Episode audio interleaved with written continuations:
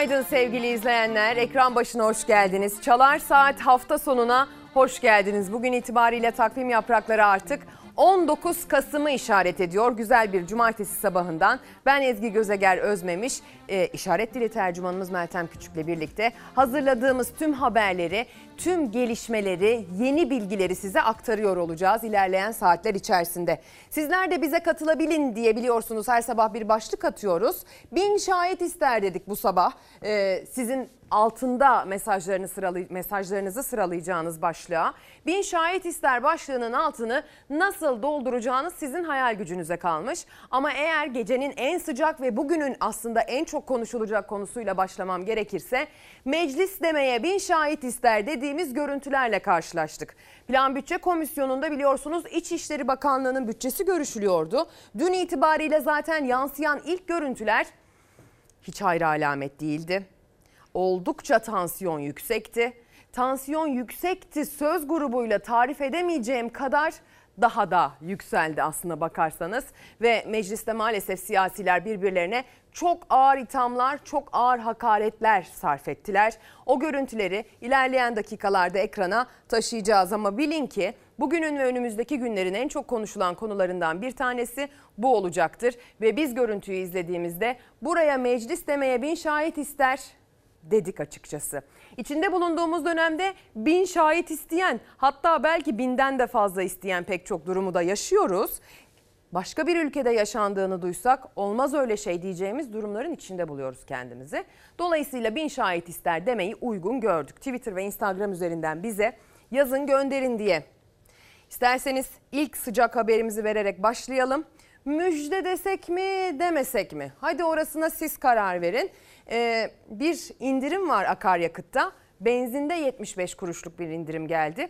Ama zamlarla indirimleri kıyaslayınca zamların boyu indirimleri aştığı için netice çok değişmiyor.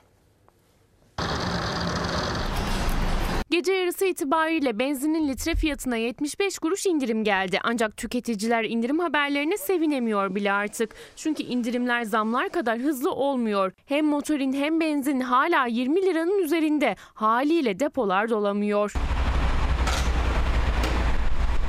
Son indirimle İstanbul'da benzin 21 lira 19 kuruş, motorin ise 24 lira 79 kuruş. Geçen sene ortalama 7 liraydı yakıt. Geçen sene 120 liraya gidip gelebiliyordum. Ama şimdi bugün itibariyle e, Samsun'a e, Samsun'a değil emin olun buradan e, Sinop'un çıkışı olan Korucu, Korucu'a çıkmakta e, arabayla zorlanıyorum. Ufak ufak indirimler olsa da geçen seneye göre 3 kat pahalı artık yakıt. İndirim değil düzenleme bekliyor tüketicilerde. Yakıtların tekrar eski haline gelip devletin bu konuya mücadele etmesine gerektiğini düşünüyorum. Bin şahit ister dediğiniz e, Instagram mesajlarını son fotoğrafın altına yazdığınız için o son fotoğrafı paylaşırken yakalandım haber dönüşünde. Hemen şöyle erteleyeyim o işi o zaman. E, hava durumundan bahsedeceğiz. Gece saatlerinde polislerimizin maalesef kendini içinde bulunduğu bir kazadan bahsedeceğiz sevgili izleyenler. Gece saatlerinde yine Gökçeada'dan gelen bir yangın haberinden bahsedeceğiz. Hatta o yangınla ilgili ilk ağızdan bilgi almaya gayret edeceğiz. Kılıçdaroğlu ailesine bir başsağlığı dilememiz lazım. Bir kayıpları var onun bilgisini size aktaracağız. Bir de belki de şu saatleri itibariyle sınava girmek için evden çıkacak olan öğretmenlerimizin aslında bugün girecek oldukları sınavla ilgili bilgileri aktaracağımız bir haberimiz de olacak. Ve ilerleyen dakikalarda Fox Haber e, siyaset ve ekonomi yorumcusu Ozan Gündoğdu da bizlerle birlikte burada olacak. İsterseniz e, dünün havasından bahsederek başlayalım. Hazır günün ilk saatlerindeyken, yayının ilk dakikalarındayken hava nasıldı? nasıl olacak noktasında bir çerçeve çizmeye çalışalım ki bunu ilerleyen dakikalarda daha da e, detaylandıracağız.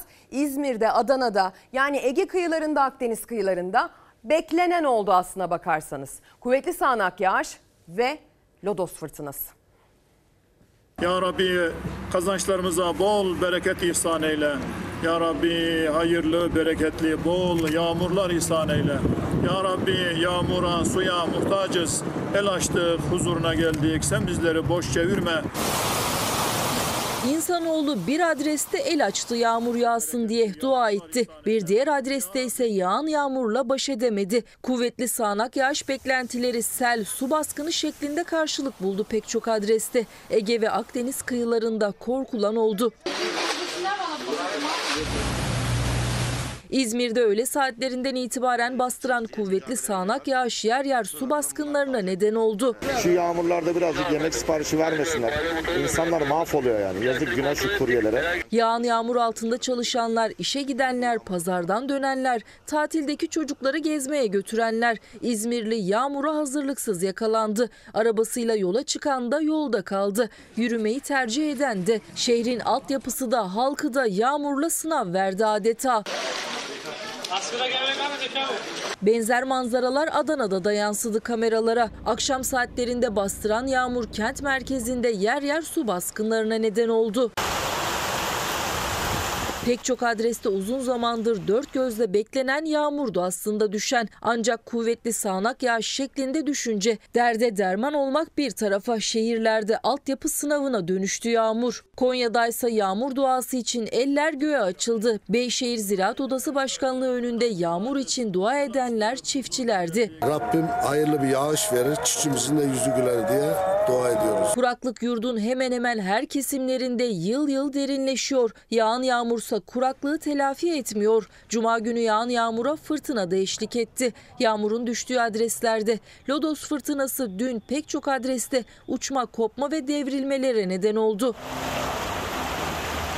Bursa'da lodos fırtınası nedeniyle yolda yürümek dahi zorlaştı. Ağaçlar devrildi. Ulaşımda aksamalar yaşandı. Şiddetli lodostan dolayı ağaç devrildi. Bugün de fırtına Ege, Orta Anadolu, Karadeniz'in iç kesimlerinde kuvvetli esmeye devam edecek. Ancak yağışlar büyük ölçüde zayıflayarak etkisini kaybedecek.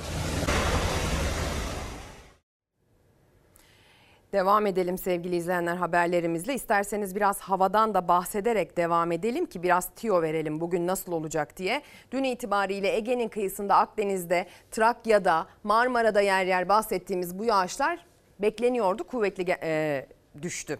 Aynı zamanda Lodos fırtınası bekleniyordu. Özellikle Bursa başta olmak üzere Lodos etkili olduğu zaman özellikle baktığımız yerler vardır biliyorsunuz. Lodos önüne kattığını uçurdu, kopardı, devirdi. Bir de Lodos konusunda çok dikkat edilmesi gereken bir diğer detay. Lodos hani halk arasında baca tepmesi denir ya işte soba tütmesi denir. Buna çok sebep olur biliyorsunuz. O yüzden eğer e, her ne kadar gün içerisinde soba ihtiyacı az olsa da pek çok adreste işte doğusunda yüksek kesimlerinde değil tabii bu kastettiğim. E, sobayı akşamları mecbur yakıyoruz. İşte o saatler itibariyle hani üstten kömür eklememek gerekiyor. Özellikle böyle zamanlarda hiçbir zaman eklememek gerekiyor ama hani karbon monoksit ze- zehirlenmesi yaşamamak için böyle zamanlarda da hani bu soba kullanımına, şofben kullanımına yani baca tepmesi denilen duruma ekstra dikkat etmek lazım. Lodos ılık ve nemli estiği için bacalar geri tepebilir. Allah korusun zehirlenmeler yaşanabilir. Lodos bugün de devam edecek. Batısında, iç kesimlerinde, Karadeniz bölgesinin iç kesimlerinde bu Lodos fırtınası e, sönümlenerek, zayıflayarak sürecek bugün itibariyle. Düne kıyasla e, genel itibariyle ortalaması daha zayıf olacak. O yüzden lütfen dikkat ediniz. Bugün de hafif yağış görülüyor ama bu gördüğünüz yağışlar ilerleyen saatler itibariyle etkisini kaybedecek, zayıflayacak. Cumartesi gününün devamında e, öğleden sonrasında hava açacak. Okulların açılmasına şöyle şurada hadi bugünü de sayarsak iki gün kaldı. Belki de hava çocuklara bir fırsat tanıyacak diyebiliriz. Yarın da benzer bir manzara var ama okulun açıldığı ilk gün itibariyle batıdan doğuya ülkeyi süpürecek şekilde böyle yağış dalgaları gelmeye başlıyor. Önümüzdeki hafta daha yağışlı olacak. E, o da lazım. O da lazım. Hani güzel hava diyoruz ya mesela çiftçi için güzel hava yağmurlu hava Ee, ve çiftçi çok uzun zamandır bu güzel havayı bekliyor sevgili izleyenler. Gaziantep'e doğru gideceğiz.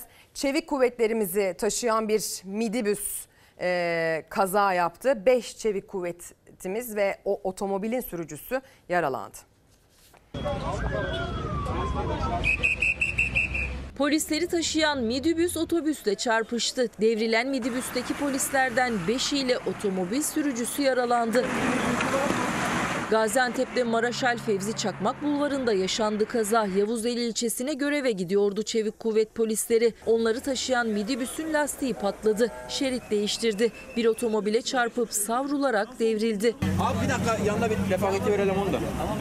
Kazada 5 polis ve otomobil sürücüsü yaralandı. Yaralılar kentteki hastanelere kaldırıldı. Kaza nedeniyle ulaşıma kapanan yolsa otomobil ve midibüsün çekiciyle kaldırılmasının ardından trafiğe yeniden açıldı. Kazayla ilgili soruşturma başlatıldı. Kahvaltıyı bitirdik, keyif çayı eşliğinde izliyoruz hanımla beraber demiş Fersan Kurt. Erken bitirmişsiniz Fersan Bey 8.30 itibariyle kahvaltı sofrası kalktıysa erken kalkmışsınız bayağı demektir. Pek çok mesaj geliyor. Gelen mesajların arasında bolca günaydın var. Hepsine çok çok teşekkür edelim. EYT ne olacak sorusu hemen peşin peşin sorulmuş. Akışıma bakıyorum. Yakın birkaç dakika içinde değil ama birkaç saat içindeki uzun soluklu bir bülteniz. EYT konusunda gelinen son noktayı ekrana taşıyacağımızı şimdiden söyleyeyim. Ee, Peyami Safa Nazım Hikmet'e atfettiği 9. Hariciye Koğuşu kitabında der ya suçlamak anlamaktan daha kolaydır. Çünkü anlarsan değişmen gerekir diye. Tam bizim bugünümüzü özetlemiş. Öğretmen oldum sorunlarım var diyene trollsün. Doktorum sorunlarım var diyene gidersen git denildi. Bu ülkede geçinemiyoruz diyenlere dava açıldı. Bu ülkede geçinemiyoruz diyenlerin maaşları düşürülsün dendi. Çiftçinin traktörü, hayvancının hayvanına haciz kondu. Patatesi depoya koyan çiftçiye de duyulmasını istemedikleri haberi yapan gazetecilere de terörist dendi. Kendi partisine oy vermeye zaten zil, vermeyene zaten zillet deniyor. Kadına şiddete hayır diyen kadınlar sokakta dövüldü bu ülkede. Sesini duyurmak için açıklama yapmak isteyen öğretmenlerimiz dövüldü. Peki sen suçlusun ben suçluyum hepimiz suçluyuz. Soru 1. Bilin bakalım sadece kim suçlu değil? Soru 2. Dünyanın neresinde ve hangi yönetim şeklinde halkın derdini anlatması suçtur? Bütün bunlar no, no, bütün bunlara normal demek için bin şahit ister diyor Ruhi Becenek. Kitap yazın gönderin bize Ruhi Bey. Bu mesajlarınız gerçekten beni benden alıyor her yayınımızda.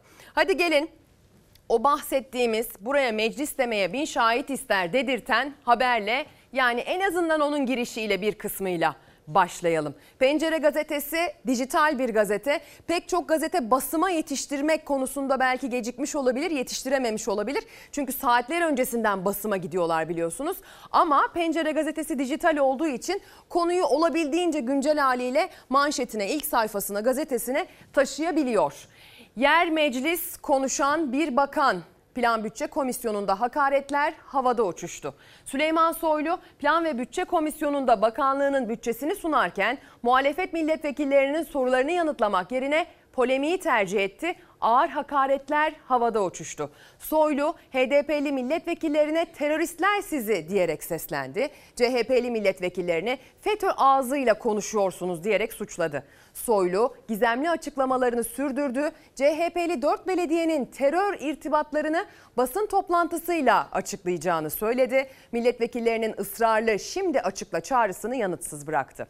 Hapiste çürüyeceksin. Türkiye İşçi Partisi İstanbul Milletvekili Ahmet Şık, Türkiye Büyük Millet Meclisi Plan ve Bütçe Komisyonu'nda İçişleri Bakanı Süleyman Soylu, Sezgin Baran Korkmaz'ı hatırlatarak sen sadece hamaset yaparsın, sen hapiste çürüyeceksin, mafyayla iş tutan rüşvet alıp veren birisi olduğun için sen yargılanacaksın dedi diyor pencere. Terbiyesiz, FETÖ ağızlı, satılık adam, terörist bozuntusu. Aslına bakarsanız Pencere gazetesi acaba ilk sayfaya koymaya tercih mi etmemiş yoksa yetişmemiş mi bilmiyorum ama bunlardan daha ağırı da var. Bende var o bilgi. İlerleyen dakikalarda sizde de olacak sevgili izleyenler. Belki de sosyal medyadan gördünüz. Gerçekten haftalardır süren pek çok bakanlığın bütçesi komisyona çıktı tartışıldı. Ama hiçbiri hiçbiri bu kadar ağır hakaretlerin havada savrulduğu, bu kadar bizim meclisimiz mi burası dedirten raddeye gelen diyaloglara sahne olmamıştı. Ee, isterseniz ilk kısmını bir izleyelim. Devamı da var. Kimse kusura bakmasın. PKK'nın adını almadan, tasmasını tutan sahibinin adını almadan yapılan basın açıklamaları bizim gözümüzü boyamaz. Sizin derdiniz ne ki PKK'ya atlıyorsunuz? Derdiniz ne PYD ile PKK'ya ayaklıyorsunuz. Devlete hakaret edene hakaret edilir. Otur. Terörist otur. Otur terörist. Otur. Arkadaşlar. Terörist otur. Plan Bütçe Komisyonu'nda İçişleri Bakanlığı bütçesi görüşmeleri her dakika tansiyon yüksekti. Teröristler. Teröristler. Hepiniz terörist. Sayın Bayram niye bağırıyorsunuz başa? Başkanlık divanına bağıramazsın. Bağırmayın bana. Bana bağırmayın. Otur aşağıya. Bir şekilde olmaz bir şekilde. Otur aşağıya. Tamam. Seni Amerikan oyuncular. Niye ayağa kalktın? Sayın niye bağırıyorsun? Gelsene. Süleyman Soylu Demokrat Parti'nin başkanıydı. Niye ihraç edildi oradan? Çünkü FETÖ'yle yakın olmaktan dolayı ihraç edildi. Aban toplantılarına katılmaktan dolayı ihraç edildi. Sayın Bakan'ın dolandırıcılarla, uyuşturucu baronlarıyla herkeste resmi var var var. Sen mahkeme basan eşkıyasın. Sen ahlakını yitirmişsin, onurunu yitirmişsin, yüzün keçi olmuş senin. Sen terbiyesiz bir adamsın. Hangi yüzle laf atıyorsun? Sen utanma duygunu yitirmişsin. Sen şu resimlerinden utan. Süleyman Soylu uyuşturucu maddeyle yakalanan Abdülhamit Burak Aykut ile Ümitcan Uygun'un babasıyla pudracı Kürşat Ayvaoğlu ile bir siyasetçi mafya babasından her ay rüşvet alıyor dedi. Vereni de alanı da biliyorum dedi. Ama adını açıklamadı. Karşılıklı sözler, resimler, terör tartışması, uyuşturucuyla mücadele en hararetli başlıklardı. Genel Başkanımız ve biz uyuşturucuyla ilgili sözlerindeki muhatap olarak iktidarı, siyaseti ve seni sorumlu tutuyoruz. Hiçbir zaman devletin kurumlarını hedef almadık, almayız. İspat etmeyen namerttir ve müfteridir. Ve bu iftiranın hesabı verilecektir. Herkes eteğindeki taşları döksün. Delillerini ortaya tek tek koysun konuşalım, hesaplaşalım. Soylu, gözümüz senin üzerinde. Hukuk karşısında hesap vereceksin ve asla kaçamayacaksın. CHP İstanbul Milletvekili İbrahim Kaboğlu ise İçişleri Bakanı Süleyman Soylu'ya kesinleşmiş mahkeme kararlarının Emniyet Genel Müdürlüğü Terörle Mücadele Daire Başkanlığı'nın hazırladığı yazı nedeniyle uygulanmaması eleştirisini yöneltti. Emniyet Genel Müdürlüğü Terörle Mücadele Daire Başkanlığı yine varsayımlar üzerinden hiçbir somut delil barındırmayan bir metin paylaşıyor ve özel yetkili idare mahkemesi de bu metni esas alarak mahkeme kararlarını görmezlikten geliyor. Bu ne demektir Sayın Bakan? Bu anayasa madde 138'in açıkça ihlali demektir. Sayın Bakan, e, acaba bunlar anayasa suçu değil mi? İçişleri Bakanlığı bütçe görüşmelerinin ilk raundunda yaşananlar Soylu muhalefetin sorularına yanıt verecek. Soylu muhalefetin sorularına yanıt e, verdi. İşte Kızılca kıyamet orada koptu sevgili izleyenler. Sözcü gazetesi baskıdan önceki güncelliğiyle konuyu manşetine taşımış. E, o kişileri tek tek gösterdi manşeti atmış gazete. CHP'li Engin Özkoç'tan Mecliste Bakan Süleyman Soylu fotoromanı. Meclis Komisyonu'nda İçişleri Bakanlığı'nın bütçesi görüşülürken söz alan CHP'li Özkoç isimleri suça karışmış kişilerin Bakan Soylu ile olan fotoğraflarını çıkardı. Özkoç şöyle konuştu. Bu ülkede çete liderlerinin, uyuşturucu kaçakçılarının İçişleri Bakanı ile yan yana gelmesi normal değil. Hepsiyle fotoğrafları var. Suçlusun, hukuk karşısında hesap vereceksin ve asla kaçamayacaksın Soylu. E, bu sözlere karşılık verdi, gerilim yaşandı dendi. Terörist İdlib'den girdim dedi. Soylu önce Afrin, daha sonra Münbiç dedi. Hepimizin kafası karıştı. İstiklal'e bombayı koyan kadın terörist Afrin'den mi, Münbiç'ten mi, İdlib'ten mi Türkiye'ye giriş yaptı deniyor. Aytunç Erkin'in yazısı da manşete iliştirilmiş. Süleyman Soylu bilgisi e, ilk sayfadaki büyükçe yer verilen o habere iliştirilmiş. Aslında manşet başka bu arada. Ee, yanlış bilgi de vermek istemem. Oraya iliştirilmiş Süleyman Soylu biliyorsunuz geçtiğimiz hafta pazar günü e, burada yayın yaptık birlikte karşılıklı Çalar Saat hafta sonunda sohbetler ettik. Dedik ki Çalar Saat hafta sonundan sonra çıkın dışarıya çıkacaksanız hava güzel dedik hava durumundan bahsederken. Ve sonrasında Taksim'de bir patlama yaşandı. Biliyorsunuz 6 kişi hayatını kaybetti, 81 kişi yaralandı. Kıskıvrak hemen yakalandı arkasından terörist ve sonrasında teröristin nasıl yakalandığına dair görüntüler, bilgiler hızla e, servis edildi. Müthiş bir hız vardı bu konuda. Tabii bu müthiş hız internette maalesef yoktu. İnternet tamamen yavaşlatıldı, bant daraltıldı. Kişisel hak ve özgürlükler tartışması tek, tekrar raflardan aşağı indi. Ama müthiş e, üzüntü veren, yasa boğan, yasa boğan e, her ne kadar o yası ne kadar yaşadığımız tartışılsa da sevgili izleyenler e, kayıplar verdik o patlama itibariyle. Herkes 2015'i, e, 2015 Haziran-Kasım arasını acaba hatırlatıyor mu sorusunu sordu. Ardından aslında bambaşka bir e, profil çiziyor bu terörist ve bu patlama şekli şeklinde yorumlar yapıldı. E, kimse bu patlamayı nereye koyacağını bilemedi. Süleyman Soylu Sayın İçişleri Bakanı gece saatlerinde patlamanın yaşandığı yere giderek hemen patlamanın nereye konacağını aslında söyledi. Amerika Birleşik Devletleri'ni işaret etti. O sırada e, G20 zirvesinde Amerika Birleşik Devletleri Başkanı Joe Biden'la bir araya gelen Cumhurbaşkanı Erdoğan teşekkür mesajı yayınlarken e, işte Azerbaycan ve Kıbrıs'tan sonra 3. sırada Amerika Birleşik Devletleri'nin bayrağını sıraladı ve o bayraklar silsilesi içerisinde 1, 2, 3. sırada teşekkür ettiği ülke aslında Amerika Birleşik Devletleri oldu. E, yani böyle bir takım nereye konacağı bilinmeyen sözler, neden yapıldığı anlaşılamayan hamleler aslında havada uçuştu sevgili izleyenler. Seçime giden yolda bu kimin oyunu nasıl etkiler tartışmaları yapıldı. Bu sırada o bahsettiğimiz Haziran-Kasım aralığındaki patlamaların kime yaradığı da çok tartışıldı. Ama öyle görünüyor ki gerçekten o dönemle bir benzerlik taşımıyor ee, bu yaşanan acı olay, bu yapılan hain saldırı. İsterseniz söz verdiğimiz bir diğer habere hemen geçelim vakit kaybetmeden. Söylemiştik Kılıçdaroğlu ailesine bir başsağlığı dileyeceğiz diye. Genel Başkan Kemal Kılıçdaroğlu'nun kardeşi vefat etti. Celal Kılıçdaroğlu 68 yaşındaydı. 10 Ekim'de solunum yolu enfeksiyonu sebebiyle rahatsızlanarak Kocaeli Devlet Hastanesi'ne kaldırılmıştı. Tedavi altına alınan Kılıçdaroğlu sağlık durumunun iyiye gitmesinin ardından taburcu edilmişti. Evli ve iki çocuk babası Celal Kılıçdaroğlu akşam saat 22 sularında evinde aniden fenalaşarak yaşamını yitirdi. Kalp yetmezliği sebebiyle öldüğü öğrenildi. Celal Kılıçdaroğlu'nun cenazesi saat 14'te Tavşantepe Cemevi'nde kılınacak namazın ardından kent mezarlığına defnedilecek. Biz de başsağlığı dileklerimizi iletelim tekrardan Kılıçdaroğlu ailesine. Devam ediyoruz. Şu saat itibariyle evden çıkmışlar mıdır acaba sınava girecek olan öğretmenler? Ya da ekran başındaysanız eğer lütfen bize ses verin. Acaba öğretmenler boykot çağrılarına uymuşlar ve sınava girmemişler midir?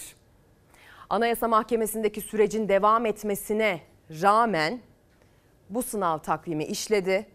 Bugün 19 Kasım öğretmenlerin aylardır protesto ettiği, öğretmenlerin bu uğurda gözaltına alınıp yerlerde sürüklenip ters kelepçeyle gözaltına alındığı o sınav bugün gerçekleşiyor.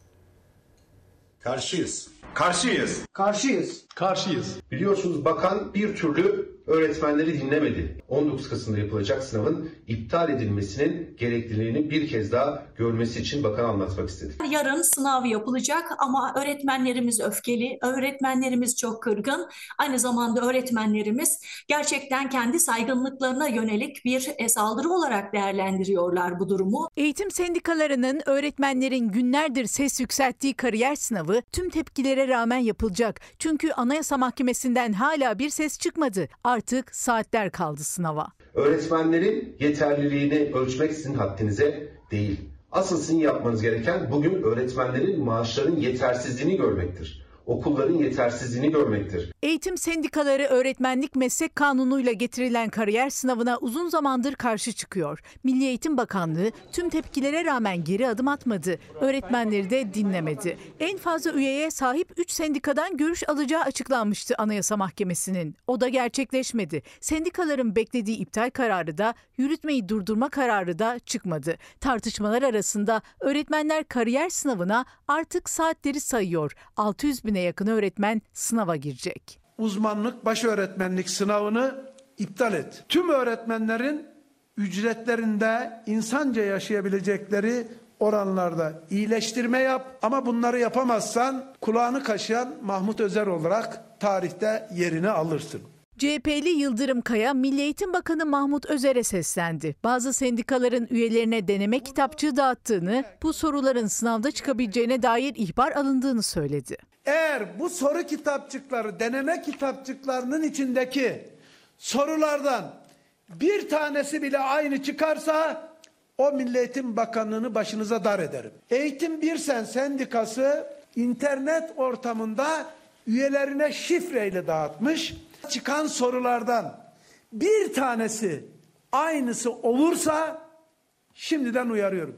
Bu sınav hukuksuzdur, usulsüzdür. CHP'li Kaya'nın şaibe iddialarını Eğitim Sen ve Eğitim İş'te destekledi. İki sendikada endişeliyiz dedi. Hemen hemen yapılan her yazılı sınavda, her mülakat sürecinde haksızlıklar, adaletsizlikler olduğu kamuoyunda tartışıldı biliyorsunuz. Hatta yargıya taşındı pek çok şey. Bu şaibeler ve iddiaları Milli Eğitim Bakanlığı yanıtlamak durumunda. Bu iddiaların muhatabı Milli Eğitim Bakanlığı'dır. Görüyoruz ki yandaş sendikaların da yeni şaibelerin içerisinde olacağı tablolara maalesef ki şahitlik ediyoruz. Daha şimdiden şaibe şüphe denmeye başladı. Bu kelimeler cümle içine girmeye başladı sevgili izleyenler. Öğretmenlerin bir kısmı bu sınavı boykot edecekler. Öğretmenlerin pek çoğu itibar vurgusuyla bu sınava itiraz ettiler. Öğretmenlerin itibar vurgusuyla sınava itiraz etmeleri de tesadüf değildi.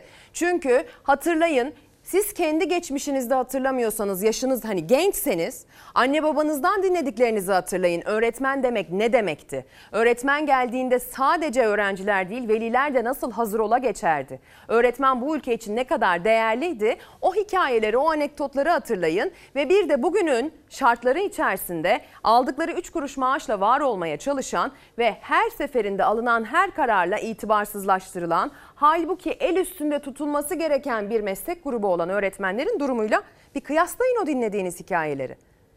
E dolayısıyla zaten itibaren zedelenmiş, itibarları erozyona uğramış, maddi manevi takdir görmeyen bu gruba bir de sınava girersen sana bin lira fazla para vereceğim derseniz o insanlar tabii ki bunu gurur meselesi yaparlar sevgili izleyenler. Ama tabii aynı zamanda o gurur meselesi şöyle bir mekanizmayla da devreye giriyor. Şimdi sınava girsem mi girmesem mi? Girsem mi girmesem mi? E şimdi 3 yıl önce 5 yıl önce öğretmen olmuş bir arkadaşım ya da belki de şahsi fikrim olarak çok öğretmenliğine güvenmediğim bir arkadaşım sınava girecek. Gelecek öğretmenler odasına baş öğretmen, uzman öğretmen diye oturacak. E ben de sınava girmediğimle kalacağım. Bari ben de gireyim deyip girenler var ya da oradan alacak oldukları 1000 lira 1200 liraya çok ihtiyacı olan öğretmenler var.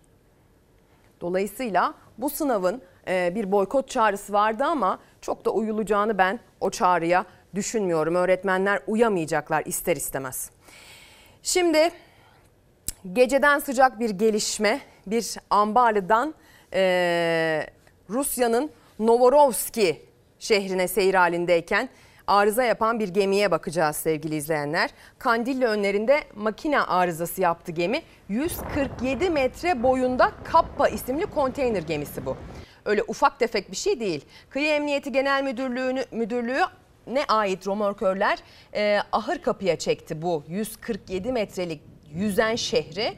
50 dakika sürdü bu çalışma. Boğaz'daki gemi trafiği bu yüzden çift yönlü olarak bir süre askıya alındı. Daha sonra İstanbul Boğazı tekrar açıldı.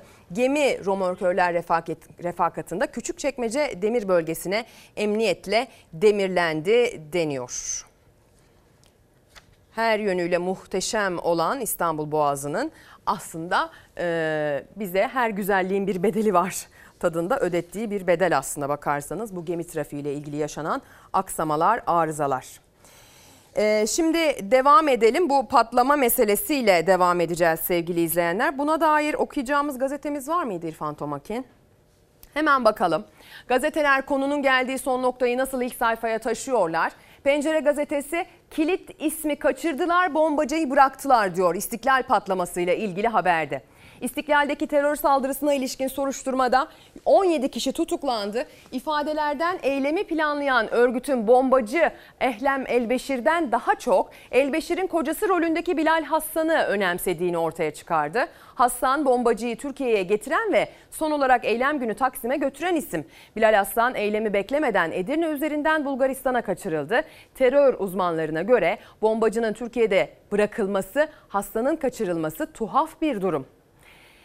Güvenlik e, konularında uzman gazeteci Tolga Şardan İstiklal'deki terör eylemini danıştığı uzmanların acemice nitelemesi yaptığını yazdı ve dikkat çekici bir iddiayı dile getirdi. Şardan eylemci kadına yönelik istihbarat ekibi bulunduğu bilgisine ulaştım. Elbeşir'in daha önce takipte olduğu ancak bir süre önce takipten e, kaybedildiği iddiası var deniyor. Kritik soru eylemci takipte miydi? Böyle iddialar çok konuşuldu ama tabii ki teyide muhtaç bilgiler resmi ağızlardan teyit edilmedi. Hani çok hızlı bir şekilde ulaşıldı ya teröriste. Çok hızlı bir şekilde yakalandı, görüntüleri servis edildi. Bir taraftan internet yavaşlatılıyor ama bir taraftan da resmi kaynaklardan patır patır şurada yakaladık, şu kadar operasyon yaptık. İşte şurada ele geçirdik, şu şekilde getirdik, şöyle fotoğrafladık şeklinde bir servis söz konusuydu. Bu hız aslında bu yazıdaki şüpheyi e, konuşturmuştu, dillendirmişti sevgili izleyenler. E, takip mi ediyordunuz siz bunu önceden de bu kadar kolay buldunuz dedirtmişti ama teyit edilmemişti. Resmi bir bilgi değildi. Hadi gelin patlamaların tutuklamalarına bakalım. 6 kişinin hayatını kaybettiği, 81 kişinin yaralandığı İstiklal Caddesi'ndeki terör saldırısının ardından 49 şüpheli mahkemeye sevk edilmişti. Bombayı bırakan Suriye uyruklu Ahlam Albaşir ile birlikte 17 şüpheli tutuklandı. İstanbul Emniyeti terörist Ahlam Albaşir'in patlamadan 9 gün önce İstiklal Caddesi'nde keşif yaptığı, saldırı günü ise bir mağazada kaydedilen bu görüntüleri paylaştı. 29 savcı görevlendirildi. Patlamadan sonra gözaltına alınan 49 kişiyi sorgulamak için. 23 yaşındaki Suriye uyruklu terörist Ahlam Albaşir'in sorgusu tam 6 saat sürdü. Albaşir suçlamaları kabul etti. Terör örgütüyle erkek arkadaşı aracılığıyla 2017'de tanıştığını söyledi. Firari şüpheli Bilal Hassan'la 4 ay boyunca ev ve iş yeri dışında bir yere gitmediklerini, son bir ay içinde de iki kere Taksim'de ve İstiklal Caddesi'nde keşif yaptıklarını itiraf etti. Terörist Albaşir ifadesinde Türkiye'ye Temmuz ayında geldiğini söyledi. İçinde bomba olan çantanın da İdlib'den getirilip kendisine verildiğini anlattı. Bombalı saldırıyı gerçekleştiren Ahlam Albaşir'in de aralarında olduğu 17 şüpheli devletin birliğini ve ülke bütünlüğünü bozmak, kasten öldürme, kasten öldürmeye teşebbüs ve kasten öldürmeye yardım suçlarından tutuklanarak cezaevine gönderildi. Üç şüpheli adli kontrol şartıyla serbest bırakıldı. 29 şüpheli sınır dışı edildi. Ahlam Albaşir'i olay günü Taksim'e götüren, patlamadan sonra kayıplara karışan firari şüpheli Bilal Hassansa her yerde aranıyor.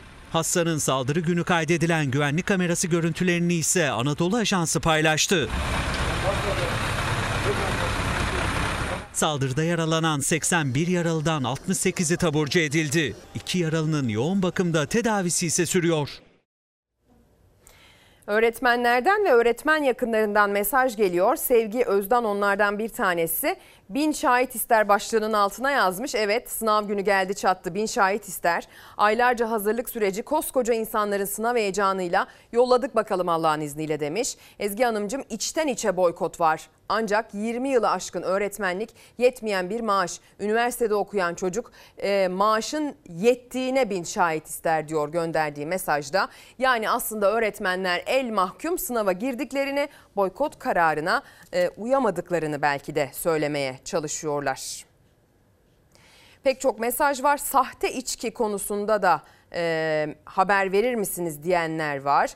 E, evet bu konuda da yılbaşı yaklaştıkça sevgili izleyenler her sene olduğu gibi hem baskınlar artıyor hem de aldığımız kötü haberler artıyor. Hekime sağlıkçıya şiddetin önlendiğine bin şahit ister. Emekliliğe yansıyan gerçek maaş artışına bin şahit ister. Hekime yıpranma payına bin şahit ister. Aile hekimine vekaletsiz izne bin şahit ister diyor Doktor Yusuf Eryazgan. Ee, daya gönderdiği mesajda sendikaları da teker teker aile hekimleri sendikasını e, Birlik ve Dayanışma Sendikası'nı etiketleyerek gönderiyor her seferinde mesajlarını bize. Mesajlar mesajlar. Öğretmen ve doktorların maaşları büyük şehirlerde ev kirasına yetmiyor. Bu duruma acil çözüm bulunmalı deniyor. Devam edelim vakit kaybetmeden. Maalesef maalesef bir ciğerimizin yandığı görüntüyle devam edeceğiz. Akşam saatlerinde aldık haberi. Gökçeada'da aynı anda 3 diyen var, 4 diyen var. Farklı farklı noktalarda yangın çıktı sevgili izleyenler. Gökçeada'ya gittiniz mi bilmiyorum. Yüz ölçümü çok büyük. Merkez küçücük bir yerde. Hep merkeze yakın yerlerde çıkmış yangın. Ersin adayı 3 yerden bugün yakmışlar kardeşim. Bu da 3. yanan yer Zarife Tepesi'nin üstü. Gece alevlerle aydınlandı Gökçeada'da. Dört ayrı noktada çıkan yangınlar Lodos'la kısa sürede büyüdü. Biliyorsun gemiler çalışmıyor. Lodos olduğu için de kuvvetli bir rüzgar var zaten. Bütün yangınlar o tarafa doğru gidiyor. Çanakkale Gökçeada'da akşam saatlerinde otluk alanda başladı yangın. Bak bir de bu taraf yanıyor. Evlerin üstü görüyor musun? Bak ta dağın üstü yanıyor. Bak o ışıklar yangın. Nasıl yanıyor? Gecenin ilerleyen saatlerinde Kuzu Limanı bölgesindeki geven otlarıyla kaplı 3 farklı noktadan daha yükseldi alevler. Gündüz saatlerinden itibaren başlayan lodos ve otların da kuru olması nedeniyle hızla büyüdü. Burası Zarife Tepesi. Ee, Yıldız Tepe diye bir tepe var. Evlerin üstü. Orayı yakmışlar. Bir de e, Kuzu Limanı'nın düzlüğünde evlerin olduğu yerin arka tarafını yakmışlar. Üç yerden toplamda ateş yakmışlar. Çanakkale Orman Bölge Müdürlüğü'ne bağlı ilçe orman işletme şefliği ve Gökçeada Belediyesi'ne bağlı itfaiye ekipleri yangınlara müdahale etti. Gökçeada Kaymakamı Doktor Serhat Doğan ve Belediye Başkanı Ünal Çetin olay yerinde söndürme çalışmalarını takip etti. Ekiplerden bilgi aldı. Yangın gecenin ilerleyen saatlerinde kontrol altına alınabildi. Bölgede söndürme çalışmaları devam ediyor. Söndürme, soğutma çalışmaları uzun süre devam etti sevgili izleyenler Gökçeada'da. Benim görüntülerden gördüğüm ve anladığım kadarıyla ve coğrafyasına biraz hakim olduğum bir yer Gökçeada. Merkeze yakın yerlerin yanmış olması ve aynı anda dört farklı noktadan yangının çıkmış olması oldukça enteresan.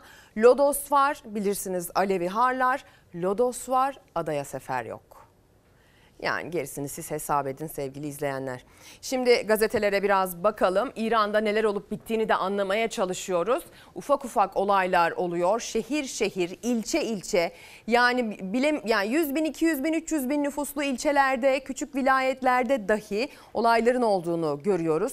Bir süreklilik arz ettiğini görüyoruz. Biliyorsunuz Mahsa Amini'nin öldürülmesi bir sembol niteliği taşımıştı. Şaibeli bir şekilde ölmüştü. Mollalar onu gözaltına aldığı sırada başörtüsü meselesi yüzünden ama aslında kadınlar pek çok hakkı için ve e, beraberinde erkekler pek çok baskı unsuru için bu eylemleri devam ettirdi. Bitti bitecek öldürülüyorlar şöyle oluyorlar böyle oluyorlar derken aslında bir süreklilik arz ettiği de ortaya çıktı. Coşkun akan bir nehir gibi büyüyor öfkeleri demiş Bir Gün Gazetesi ilk sayfadan. İran'da iki aydır devam eden eylemler kanlı Kasım olarak da bilinen protestoların yıl dönümünde insan seline dönüştü. Göstericilerin dini lider Hümeyni'nin müzeleştirilen evini ateşe verdiği belirtildi. İran uzmanı Arif Keskin protestolar kendisini ve kalıcılığını ispatladı. Bu eylemler güçlenerek devam eder. Artık İran'ı amani öncesi ve sonrası diye ikiye ayırabiliriz diyor. Bugün bir gün bunu ilk sayfaya taşımış. Korkusuz gazetesinde de konuya dair bir haber ilk sayfadan veriliyor sevgili izleyenler. Protestocu genç kızı vahşice öldürdüler. Hani dedik ya Mahsa Amini'nin ölümü bir sembol niteliği taşıdı. Bir kıvılcım da aslında diye. Sonrasında sembol niteliği taşıyan pek çok ölüm gerçekleşti. Ee, bu genç kadının ölümü de benzer bir sembol nitelik taşıyor. İran'da rejim karşıtı protestolara katılan tıp öğrencisi Aylar Hagi devrim muhafızlarınca dövülüp çatıdan atıldı. Demir kazığa saplanan genç kız öldü deniyor. 10 yaşında bir çocuğun da anne babasıyla birlikte arabadayken e, bir kurşun, bir vurulma neticesinde öldüğü bilgisi var. Yani İran'da sular durulmuyor.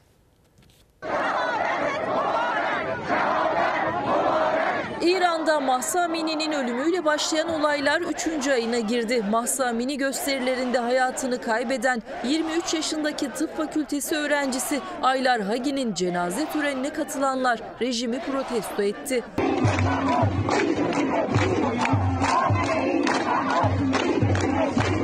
Rejim karşıtı protestolar ülkenin dört bir yanında sürüyor. Protestolara katılanlara idam cezaları verilmeye devam ediyor. Ülkede idama mahkum edilenlerin sayısı 5'e yükseldi. Ülke genelinde süren protestolarda polis göstericilere sert müdahale ediyor. 23 yaşındaki tıp fakültesi öğrencisi Aylar Hagi de o protestolarda hayatını kaybedenlerden biri. Genç kadının cansız bedeni bir inşaat alanında bulundu. Aylar Hagi için Tebriz kentinde cenaze töreni düzenlendi. Azerbaycan Eyaleti Emniyet Müdürü İbrahim Mahmudi olayla ilgili 3 kişinin gözaltına alındığını, Hagi'nin güvenlik güçleri tarafından hedef alınmadığını açıkladı. İran'ın güneybatısındaki Huzistan eyaletine bağlı İse kentinde önceki gün düzenlenen silahlı saldırıda hayatını kaybeden Kian Pirfelek adlı 9 yaşındaki çocuğun cenazesi de yönetim karşıtı protestolara sahne oldu. Yeri geliyor bir mollanın sarığını yere düşürüyorlar sevgili izleyenler. Yeri geliyor küçük küçük protestolarla bir şekilde varlık gösteriyorlar. Kimisi bayrağını değiştiriyor, kimi adını değiştiriyor, kimi tabelasına bir işaret koyuyor. Futbolcusu gol sevincini ona göre yapıyor ama bir şekilde süreklilik arz eden bir eylemlilik halinde. İran Bakalım ne olacak gerçekten dünyanın aslında gözlerini çevirdiği ve neticesinin Orta Doğu için e, örnek teşkil edebileceği eylemler serisi olarak takip ediyoruz. Bir de kimi takip ediyoruz? Ozan Gündoğdu'yu. Ne dediğini takip ediyoruz. Acaba ne diyecek diye merak ediyoruz. Teşekkür ederim. Günaydın Ozan nasılsın? İyi Ezgi sen nasılsın? Ben de iyiyim teşekkür ederim. Yani aslında e, ne kadar iyi olunursa o kadar iyiyim. Evet. Zaten e, acı kayıplar yaşıyoruz. E, patlamalar yaşıyoruz. Kıl payı sıyıran e, yakınlarımızın hikayelerini dinliyoruz. E, ölenlere, çocuklara, geride kalan yetimlere üzülüyoruz. Ekonomi bir yandan sıkıştırıyor, seçim bir yandan geriyor derken bir de siyasiler kendi aralarında öyle söylemler, öyle tartışmalar yaşıyorlar ki şimdi izleyicilerimiz sabah saatleri itibariyle mevzuyu bilmiyor olabilir. Ee, İçişleri Bakanlığı'nın bütçesi görüşülürken tansiyon çok çok yükseldi. Başka bakanlıkların görüşmelerinde de yükselmişti. Ama galiba burada bir pik noktası yaşandı. Belki de all time rekor Evet. gibi bir durum da yaşanmış olabilir. Ee, çok sarf edilen sözlere kimin kimine ne hakaret ettiğine girmeyeceğim. Bunun bizi nasıl etkilediğine girmek istiyorum. Ben geriliyorum. Bu ülkenin bir vatandaşı olarak gerim gerim geriliyorum. Ya da şöyle mi oluyor diye düşünüyorum. Acaba zaten gerginiz de bu siyasete mi yansıyor? Yani ben ilişkinin çift taraflı olduğunu düşünüyorum. Siyaset sonuç itibariyle iki şekilde etkileşiyor halk kesimleriyle. Ya kendi tabanının dilini, kendi tabanının derdini kürsüden ifade ediyor ya da kendi ifade ediyor, taban ona göre dönüşüyor. Bence burada çift taraflı bir durum var. Yani İçişleri Bakanı Süleyman Soylu ile muhalefet arasında gerilim bir yandan da tabanların da duygusunu ifade ediyor. Yani oradaki kavga daha tehlikeli bir boyut. Toplumsal kutuplaşmanın aslında Allah korusun. meclise meclise nasıl yansıdığı ile ilgili. Çünkü şöyle bir durum var. Şimdi birbirine hakaret eden iki taraf. Bunlar bu tarafları da destekleyen milyonlar var. Evet diyor Süleyman Soylu haklı. Evet diyor muhalefet haklı. Muhalefet haklı diyenlerin duygusu şu. Süleyman Soylu bir şiddet sarmalına, bir suç sarmalına bizzat içinde işbirliği halinde diyor. Bak bu çok bir- Ağır. ağır bir vaka. Milyonlar böyle düşünüyor.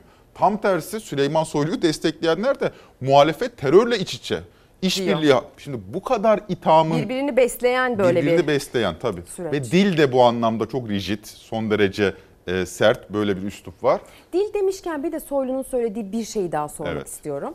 Geçen haftaki patlamadan önce aslında biz Ozan'la reklamdan sonra konuşmaya devam edeceğiz ama reklama gitmeden önce konut konuşacağız bu arada.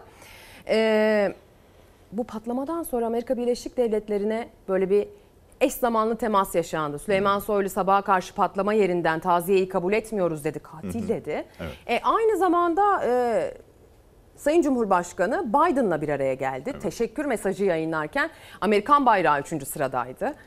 Ya bir vaka olarak Süleyman Soylu karşımızda duruyor. Normal şartlarda biz böyle bakanları parlamenter sistemlerde görürüz. Böyle bakanlar derken ne demeye çalışıyorum?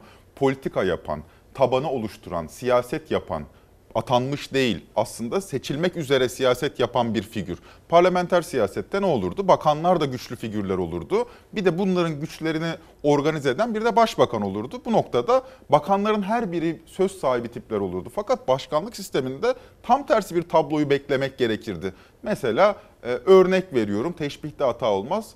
Birçok bakanın ismini bilmiyoruz. Onlar biraz daha teknokrat kıvamda mesela Mahmut Özer kim tanır? Milli Eğitim Bakanı'dır kendisi mesela Adil Kara İsmailoğlu. Bir de Ya- çok sık da değişiyorlar. Heh, bir de çok sık da değişiyor. Ama Süleyman Soylu bu haliyle politika yapıcı olarak devrede fakat bu politika yapıcı figür olarak devredeyken aslında yürütmenin tam başındaki Erdoğan'la da çatışması bir sistem krizine işaret ediyor. Şimdi ben Süleyman Soylu'nun ilk açıklamasını, ABD ile ilgili açıklamasını dinledim. Kabul etmiyorum demiyor ABD'nin Biliyoruz taziyesini. birinci çoğul. Birinci çoğul yani hükümet adına konuşuyor. Dinleyince ha diyorsunuz. Hükümet adına ABD'nin taziyesini kabul etmiyoruz. Ve Süleyman Soylu diyor bunu diyebilecek kalibrede. Sonra dönüyorsunuz bir başka hükümet üyesi artık o hükümet üyesine dönüşüyor Erdoğan. Eşitleniyor. Çünkü hükümet adına açıklama yapan iki figür var. Erdoğan'la Süleyman Soylu eşitleniyor bu noktada. Erdoğan da diyor ki teşekkür ederim Biden'ın taziyesini kabul ediyorum. Bu noktada bir bu ikircikli tutum başkanlık sisteminde gerçekleşince geniş halk kesimlerinde kafasında bir ka- kafa karışıklığı oluyor. Bir İçeride güvensizlik. nasıl yankılanmıştır? Bana kalırsa burada bu bu bu eyleme ilişkin yani bu patlamaya ilişkin, bu terör eylemine ilişkin bir bir çatlak var ortada. Çünkü tuhaf bir durum var. Ben şunu beklerim. Şunu beklerim. Son 7 yıllık siyasi çizgiyi takip ettikten sonra Taksim'de PKK'nın üstlenmediği ama hükümetin PKK yaptı dediği bir eylemden, bir terör saldırısından sonra ben şöyle bir kampanya beklerim. Çok sert bir anti PKK propagandası. Beraberinde teröre lanet mitingleri, beraberinde HDP üzerinden çok sert bir kutuplaşma, altılı masayı bunun üzerinden sıkıştırma, hatta bazı provokatif HDP binalarına dönük provokatif taşlama, yakma, geçmişte gördüğümüz için söylüyorum. bunlar. Böyle bir kampanya süreci beklerim. Böyle bir şey olmuyor. Böyle bir şey olmuyor derken keşke olsa anlamında söylemiyorum. Sadece bir hakikati dillendiriyorum. Böyle bir şey olmuyor. Böyle bir şey olmuyor ve tam tersi. İlginç bir vaka. Taksim'de patlama oluyor. Dört gün sonra Ahmet Kaya'nın mezarını Türkiye'ye getirmekten Getirelim. bahseden bir Erdoğan var. Tam bu patlama ne zaman oluyor? Öncesinde Aysel Tuğluk tahliye ediliyor. Hemen ardından Selahattin Demirtaş Özel jet, Ö- uçak, bir helikopter. uçakla, helikopterle, özel uçağıyla Diyarbakır'a götürülüyor. Babasının kalp krizine geçmiş olsun dedirtiliyor. Ardından AKP, HDP anayasa görüşmeleri gerçekleşiyor. Yani bir yeni bir çözüm süreci demiyorum ama normale dönen bir anlayışın tam ortasında bir bomba patlıyor. Ve bu bomba aynı zamanda hükümette iki dilin de teşhir olduğu bir tablo ortaya çıkartıyor. Bir taraf Amerika yıkınıyor, Amerika'yla ilişkimizi tekrar gözden geçirelim diyor. Diğer taraf Amerika'nın taziyesini kabul ediyor. Arada saat var, gün bile Arada değil. saat var. Yani şimdi burada burada bir vaka var. Bu vaka üzerine daha derinlikli, böyle hani bir dikkatli tartışmak lazım. Biraz da zaman istiyor galiba. Bir sonraki hamleyi de görmek gerekiyor bütünü görmek Biraz için da sanırım. zaman istiyor. Bir de şu var yani bu, bu ilginç bir hadise. Yani bu sosyolojik bir hadise.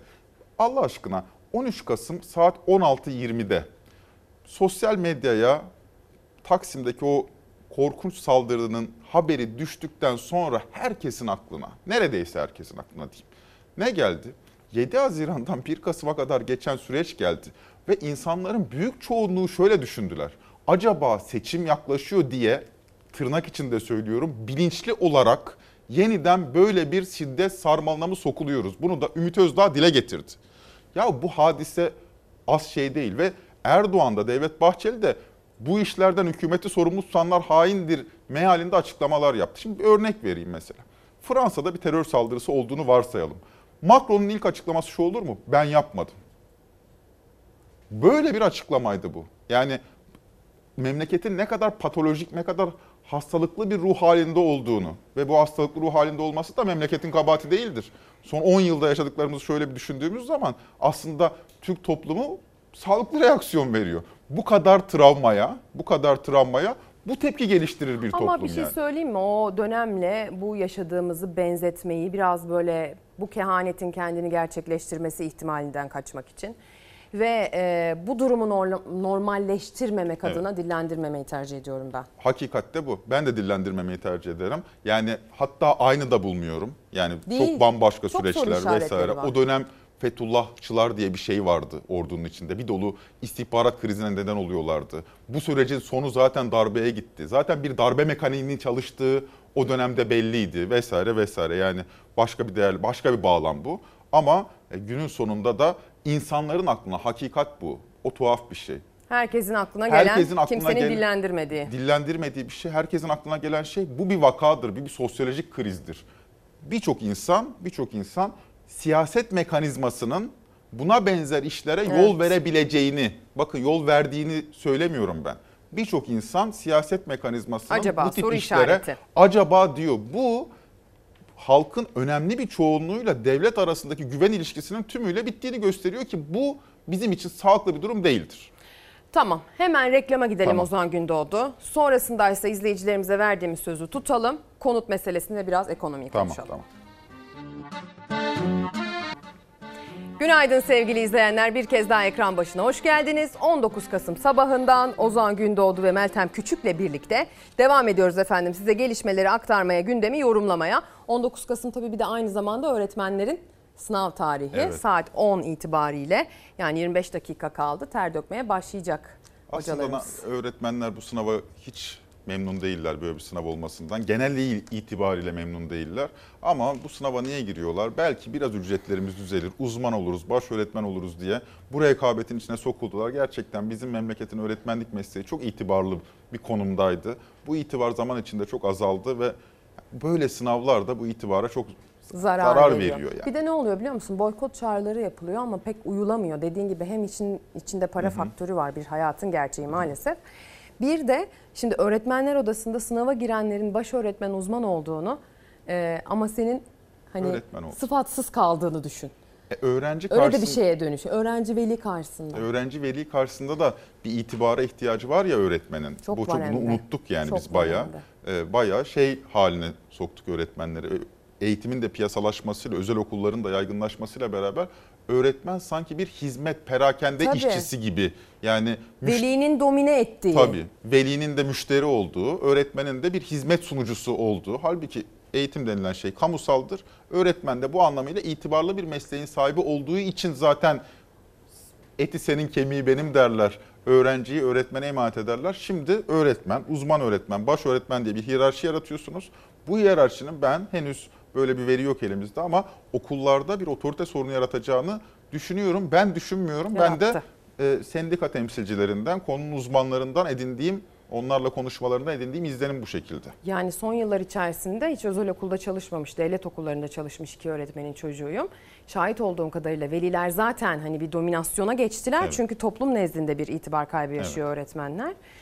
Ben de şimdi taze veliyim yani hani birkaç yıllık henüz ilk öğretim de başlamadı. Böyle amatör veli diyebileceğimiz bir noktadayım. Ödüm kopuyor. Yani böyle yanlış bir e, tavırda bulunacağım, bir çizgi aşacağım diye. Onu yaşadığım için ya da yaşananlara şahit olduğum için yakından aynı evin içinde. Bu gerçekten e, hoş değil ama ne diyelim. Ya işte ya insanlar çocukların üzerine titriyorlar haklı olarak en değerli varlıkları ve o çocukları siz e, müşteri pozisyonunda bir yere emanet ediyorsunuz. Benim özel okul öğretmenlerinden özellikle çok duyduğum bir şey bu. Gece 12'ye kadar o WhatsApp gruplarındaki mesajlaşma bitmiyor ve sürekli olarak mesaidesiniz. Sürekli olarak mesaidesiniz ve karşılığında ne alıyorsunuz? Yaklaşık asgari ücreti alıyorsunuz. Aynen bu korkunç öyle. bir depresyon. Aynen öyle. E, öğretmenlerimiz peki ev alabiliyorlar mı diyelim? Gire- Girelim konuya. Valla öğretmenleri geçtim. Öğretmenleri geçtim. Bugün cebinize 8-9 tane asgari ücret girse yine de ev alamıyorsunuz. Yani bunu benim söylememe gerek yok. Bugün İstanbul'da 2 milyona neredeyse ev kalmadı. 2 milyonluk konut kredisi çekmeye kalktım diyelim ki. Aylık taksiti 40 bin liraya dayanıyor. 40 bin liraya. Şimdi hangi hangi e, ücretli kesim 40 bin lirayı konut taksitine ayırabilecek kadar iyi bir ücret alıyor? Hangisi? E zaten tabloda e, her ay TÜİK, Türkiye İstatistik Kurumu konut satış istatistiklerini yayınlıyor. Bunu benim söylememe gerek yok. Dolayısıyla istatistik zaten şunu söylüyor. Kredili konut satışı yani garibanın aldığı, sabit ücretlinin aldığı. Çünkü sabit ücretli peşin parayla konut almıyor öyle bir şey yok. Gidiyor bankadan bizim konut edinme sistemimiz bu. Gidiyor bankadan bir 10 yıllık kredi çekiyor. O 10 yıllık krediyle ev alıyor. Son 17 ayın en kötü, en düşük verisi kaydedilmiş. Yani faizler tırnak içinde Merkez Bankası faizi düşüyor ama o Merkez Bankası faizinin düşmesi konut kredisi faizinin düştüğü anlamına gelmiyor. Hal böyle olunca kimsenin ev almadığı, kimsenin derken yanlış söyledim. Heh, ev fiyatları düşmüyor birileri alıyor o zaman. Birileri alıyor ama kim alıyor? Fiyatı yabancının belirlediği korkunç bir piyasayla karşı karşıyayız. Korkunç bir piyasa. Yani e, ev fiyatları düşmüyor çünkü yabancılar çatır çatır almaya devam evet. ediyor. Şimdi şeyin OECD'nin verisi var. 148 ülke içerisinde o ülkelerin merkez bankaları konut fiyatlarını derlemiş. OECD de bu 148 ülkeyi derlemiş. En çok konut fiyatlarının en hızlı arttığı 10 ülkeyi listelemişler. Arkadaşlara göndermiştim. Bir, grafiği, grafiği de var. var. OECD ülkeleri arasındaki şampiyonluğumuzu bir görelim. O şampiyonluk böyle birkaç puanla değil, açık ara farkla şampiyonuz. Merkez Bankası'nın verilerine göre istersen geçelim öyle. Merkez Bankası'nın verilerine göre Türkiye'de konut fiyatları bir yıl öncesine göre %189 artmış. Yani metrekare bedeli, metrekare bedeli üzerinden söyleyeyim ben sana. Geçen sene bir metrekare konut almanın bedeli ortalama 3500 liraymış. Bu sene 10 bin liraya çıkmış. Dolayısıyla 100 metrekare bir ev alıyorsanız Türkiye ortalamasında 1 milyon liradan fazla bir parayı gözden çıkarmanız gerekiyor. Geçen sene 350-400 bin lira kadar bir parayı gözden çıkarmanız gerekiyordu. Bu kadar bir artış dünyanın hiçbir ülkesinde OECD ülkelerinde en azından 148 ülke içinde böyle bir şey yok. En yakın rakibimiz Slovakya. Slovakya'da konut fiyatlarındaki artış, artış %25,5. İşte burada ABD mesela konut fiyatlarındaki artışı tartışıyor. ABD'deki artış %20. Yani enflasyon onlarda %8 kadar, %7.7, %7.20'lik konut fiyatlarındaki artış korkunç bir hale gelmiş. Yani 3 haneli bir artış oranı dahi yok burada. Tabii, yani- Maksimumu %25,5 biz %189'dan bahsediyoruz. Evet bu noktada bu noktada ev, ev sahibi olmak an itibariyle zaten hayaldi. Hayal olduğunu tescillemiş oluyor. Fakat e, hayal olsun ne olacak? Yani kirada yaşar gideriz. Başka bir problem var. Eğer ki bu iş böyle giderse ki böyle gidecek. Yani ev sahibi olmak sabit ücretliler için hayal olmaya devam ederse bunun anlamı şu. Ev sahipliği oranı giderek azalacak. E, azalsın. Kirada yaşanabiliyor. Barınabiliyoruz. Ama emekliler giderek artan emeklilik oranı, emekli oranı kirada yaşamaya devam ettikçe bizim önümüzde ciddi bir yaşlı kriziyle sonuçlanacak bu iş. Çünkü bugünkü emeklilerde ev sahipliği oranı %77. Yani bu iyi bir şey. Bu iyi bir veri. Ha, demek ki an itibariyle emeklilerimizin %77'si kendi evinde oturuyor. 5 yıl sonra Ama 5 yeni yıl emekliler. ama giderek bu oran düşüyor.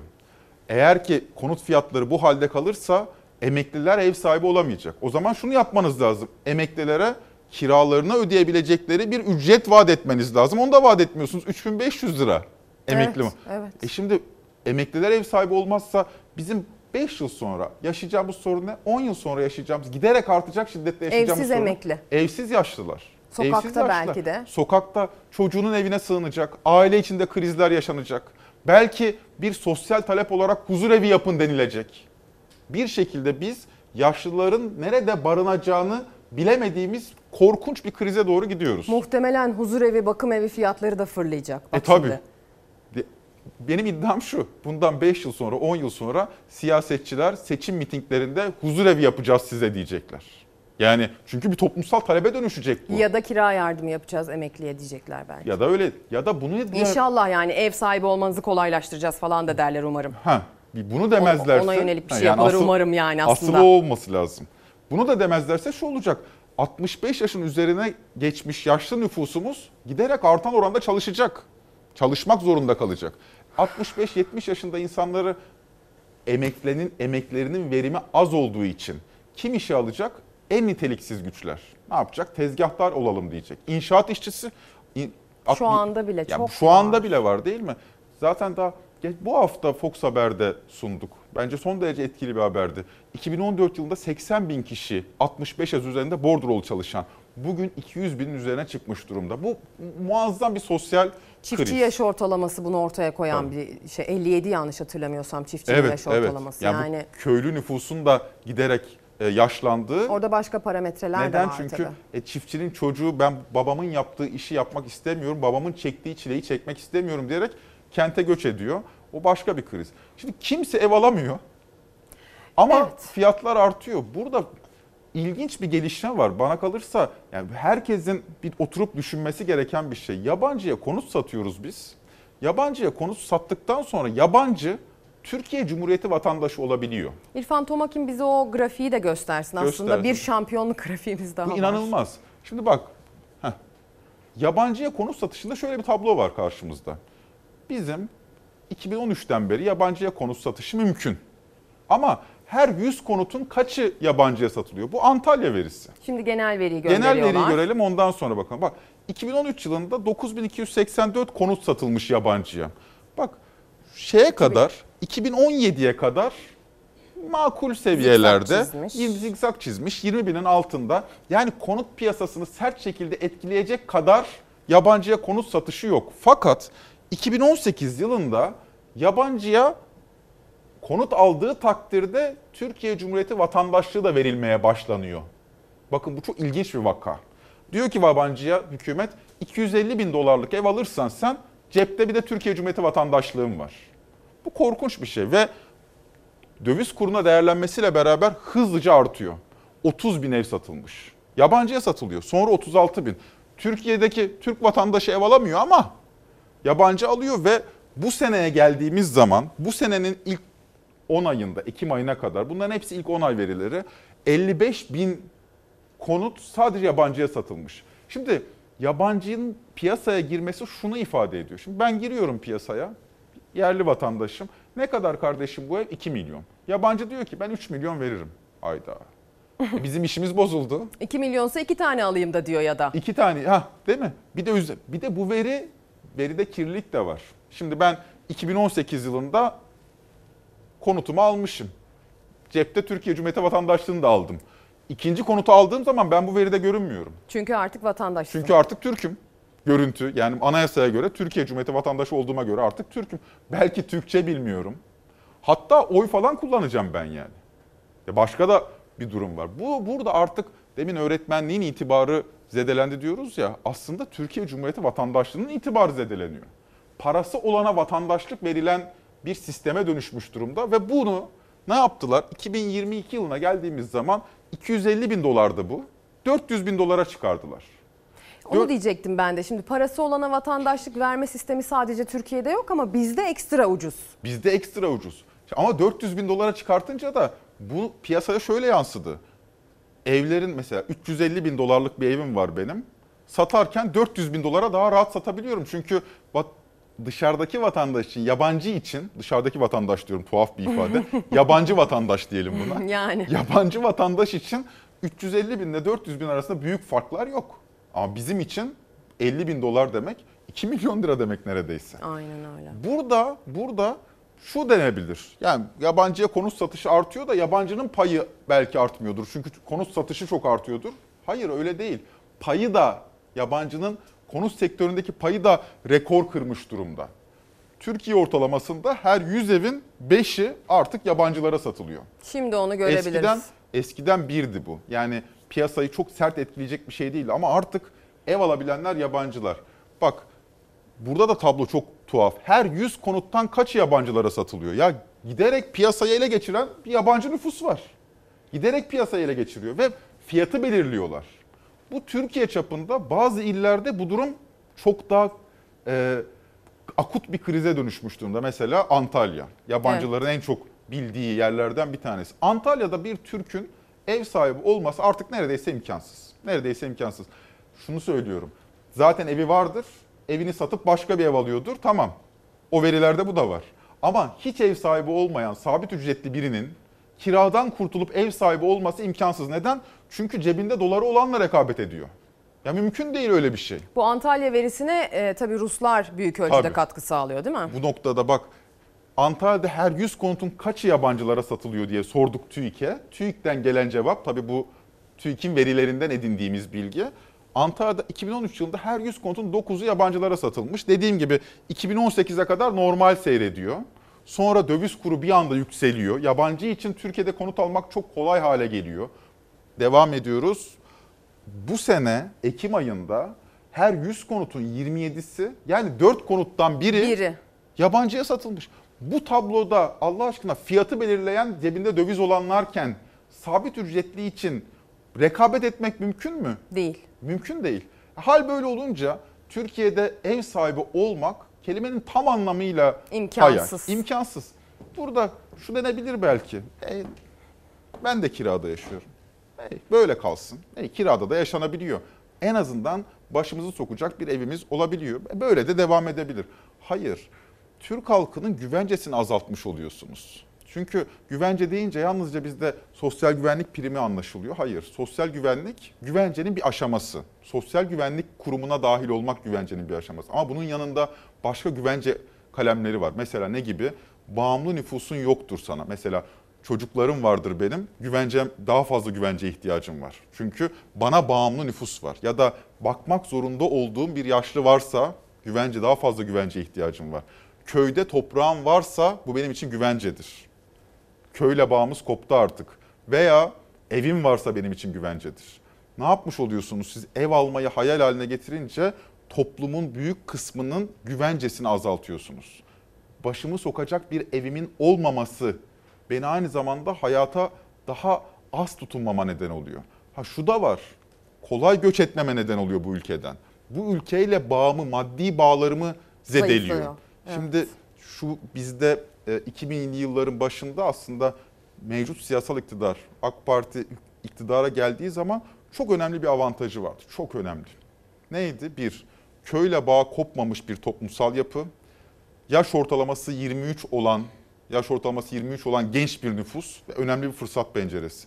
Aynı zamanda %70'inden fazlasının ev sahibi olduğu bir demografik yapı. Şimdi o %70, %40'ın %50'nin altına inmiş %40'larda seyrediyor. Bu biz bu avantajı heba ettik. Yaş ortalamamız 33'e yükseldi bu esnada. Çünkü kente göç ettik. Köydeyken 4 çocuk 5 çocuk yapıp rahatlıkla o pastoral ortamda büyütebiliyorduk. Fakat kentte 5 çocuk yapamıyoruz, 4 çocuk yapamıyoruz. Şimdi Cumhurbaşkanı Erdoğan 3 çocuk yapın diyor da 1 artı bir evde otururken ben nasıl 3 çocuk yapayım? Hadi diyelim ki geçimim var. Yani kentli olmakla da bu işin ilgisi var. Dolayısıyla her şeyi karşı... birbirine zincirleme şekilde etkileyen bir süreç. En yani azından şu en azından hani bu bir dolu şey yapılabilir ama en azından şu benim açıkçası bir Türkiye Cumhuriyeti vatandaşı olarak gururumuz ediliyor. Kardeşim biz ev alamıyoruz.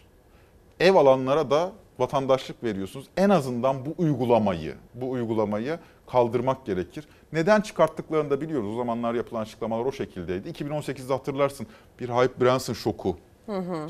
Döviz şoku yaşanmıştı. Memlekete döviz girmesi gerekiyordu. Memlekete döviz girmesi için Türkiye Cumhuriyeti vatandaşlığı bir kampanyanın unsuru yapıldı. Evet.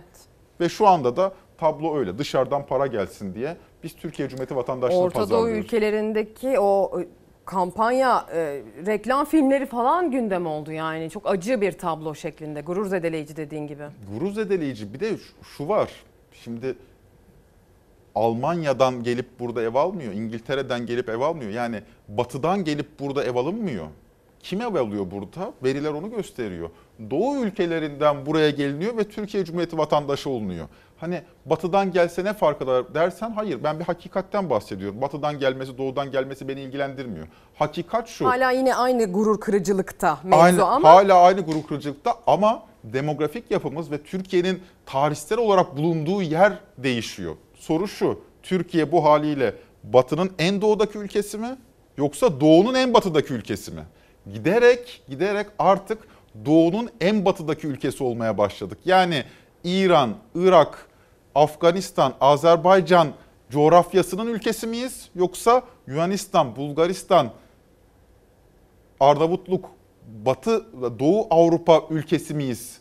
Arasında kalan bir ülkeydik biz. Artık biz bir Orta Doğu ülkesi olarak kodlanıyoruz. Ee, bir Asya ülkesi olarak kodlanıyoruz. Ve bu anlamıyla batılı değerleri de zerre umursamıyoruz. Kültürel alışverişimizi onlarla yapıyoruz. Evet. Maddi alışverişimizi onlarla yapıyoruz ve demografimiz de o şekilde şekilleniyor. Hani çok milliyetçi bir pencereden bakabilirsin ya da sadece e, reel gerçekliğe bakarak diyebilirsin ki önümüzdeki birkaç yıl içerisinde belki de belirli ilçelerde e, yabancı uyruklu Türk evet. vatandaşlarının e, belirli mertebelere geldiğini, oylarla seçildiğini göreceğiz ki bunu dair açıklamalar da yapıldı Hatay için, Kilis Tabii. için. Aynen. Biliyorsun. Çeşitli ülkeler, bu Avrupa ülkeleri buna benzer şeyler yapıyorlar. Şimdi atıyorum tamam kardeşim Gel oturum izni al, çalışma izni al. Ev alıyorsan sana belli ayrıcalıklarla tanıyalım.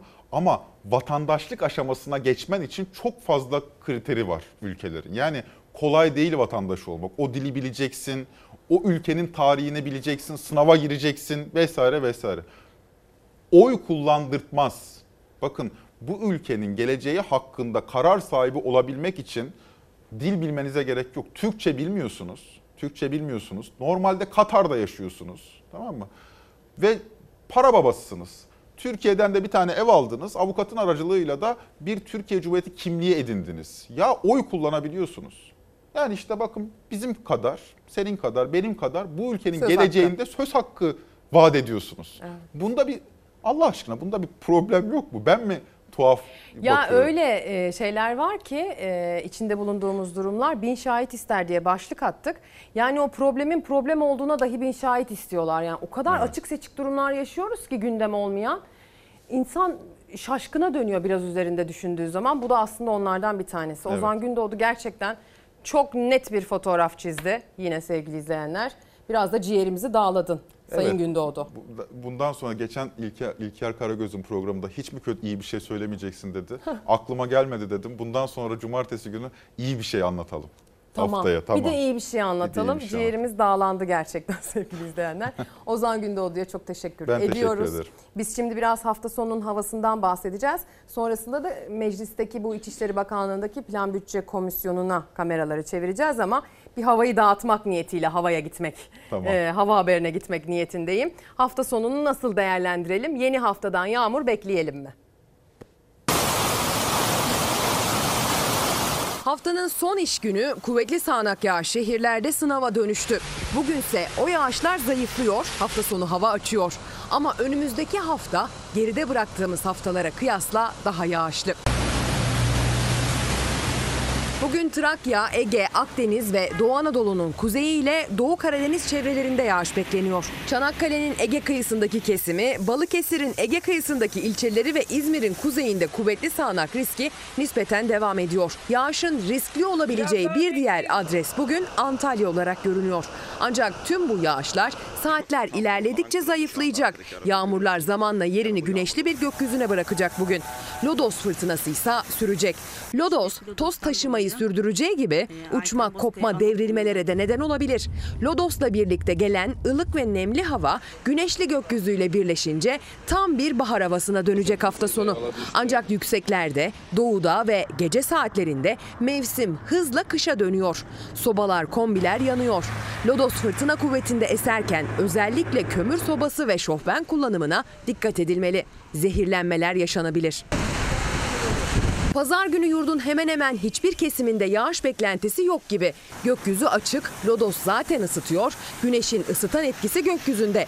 Okullar açılmadan bir gün önce hava adeta çocuklara fırsat tanıyor. Kıbrıs Caddesi'nde ağaç kırıldı. Lodos etkisiyle yola düştü. Okulların açıldığı ilk iş günü ise yurt batısından yeni bir yağış almaya başlayacak. Pazartesi çocuklar okula giderken değil belki ama daha çok okul dönüş saatlerinde ıslanabilir batıda. Ege bölgesiyle Marmara kademe kademe batıdan doğuya yağışlı olacak. Pazartesi Ege Denizi'ne kıyısı olan tüm adreslerde yağışlar düne benzer bir tabloyla kuvvetli sağanak yağmur şeklinde de düşebilir. Şimdiden Ege kıyılarındaki kuvvetli yağış ihtimalini bilmekte fayda var. Pazartesi batıdan giriş yapan bu yağış salı itibariyle tüm yurdu batısından doğusuna süpürecek.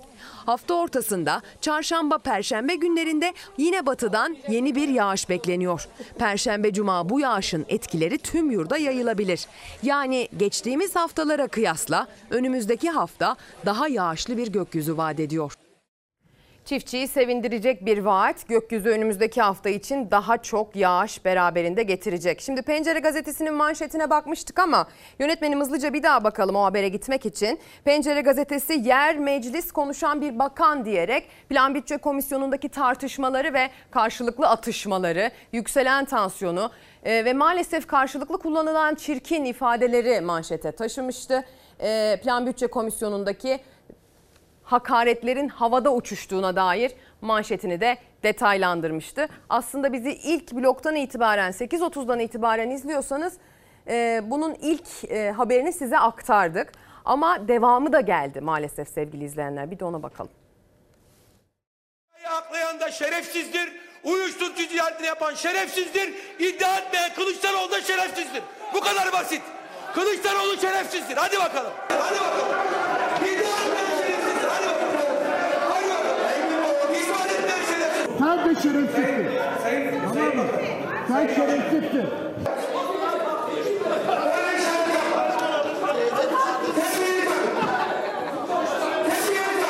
Sayın Recep Tayyip Erdoğan için bu defa kullansa orada oturur musunuz? Yer meclis. Kavga edenler İçişleri Bakanı ve ana muhalefet partisi üyeleri. Tansiyon bir anda yükseldi. Hatta Meclis Plan ve Bütçe Komisyonu görüşmeleri daha önce görülmemiş gerginliğe sahne oldu. Afyon'u ben üretmedim. Afyon'u bu sıranın bağlı olduğu Amerika üretti. Ben hiç üstüme alınmam.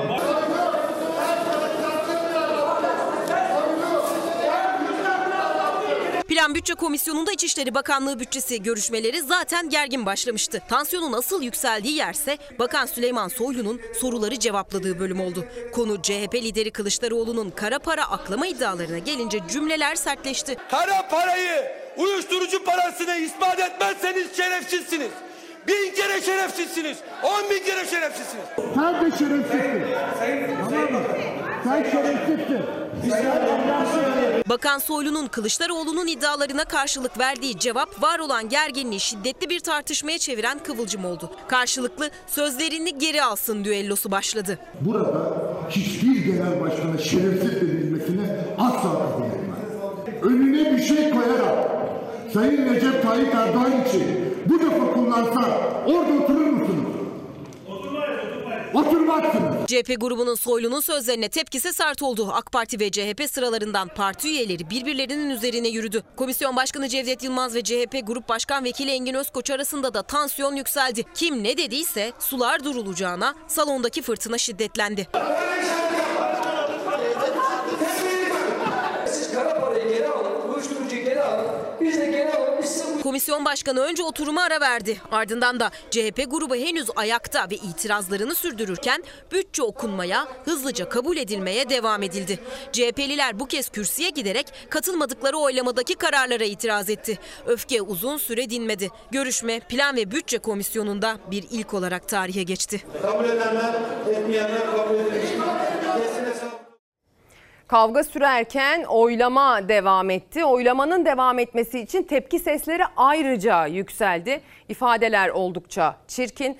Ee, yani bir hakaret metre, çirkin söz sayar olsaydı eğer belki de gerçekten o rekorun kırıldığını, meclis çatısı altında bu rekorun kırıldığını ortaya koyabilirdik diye tahmin ediyorum. Gönderdiğiniz mesajlar bu durumdan hiç hoşlanmadığınızı ortaya koyuyor.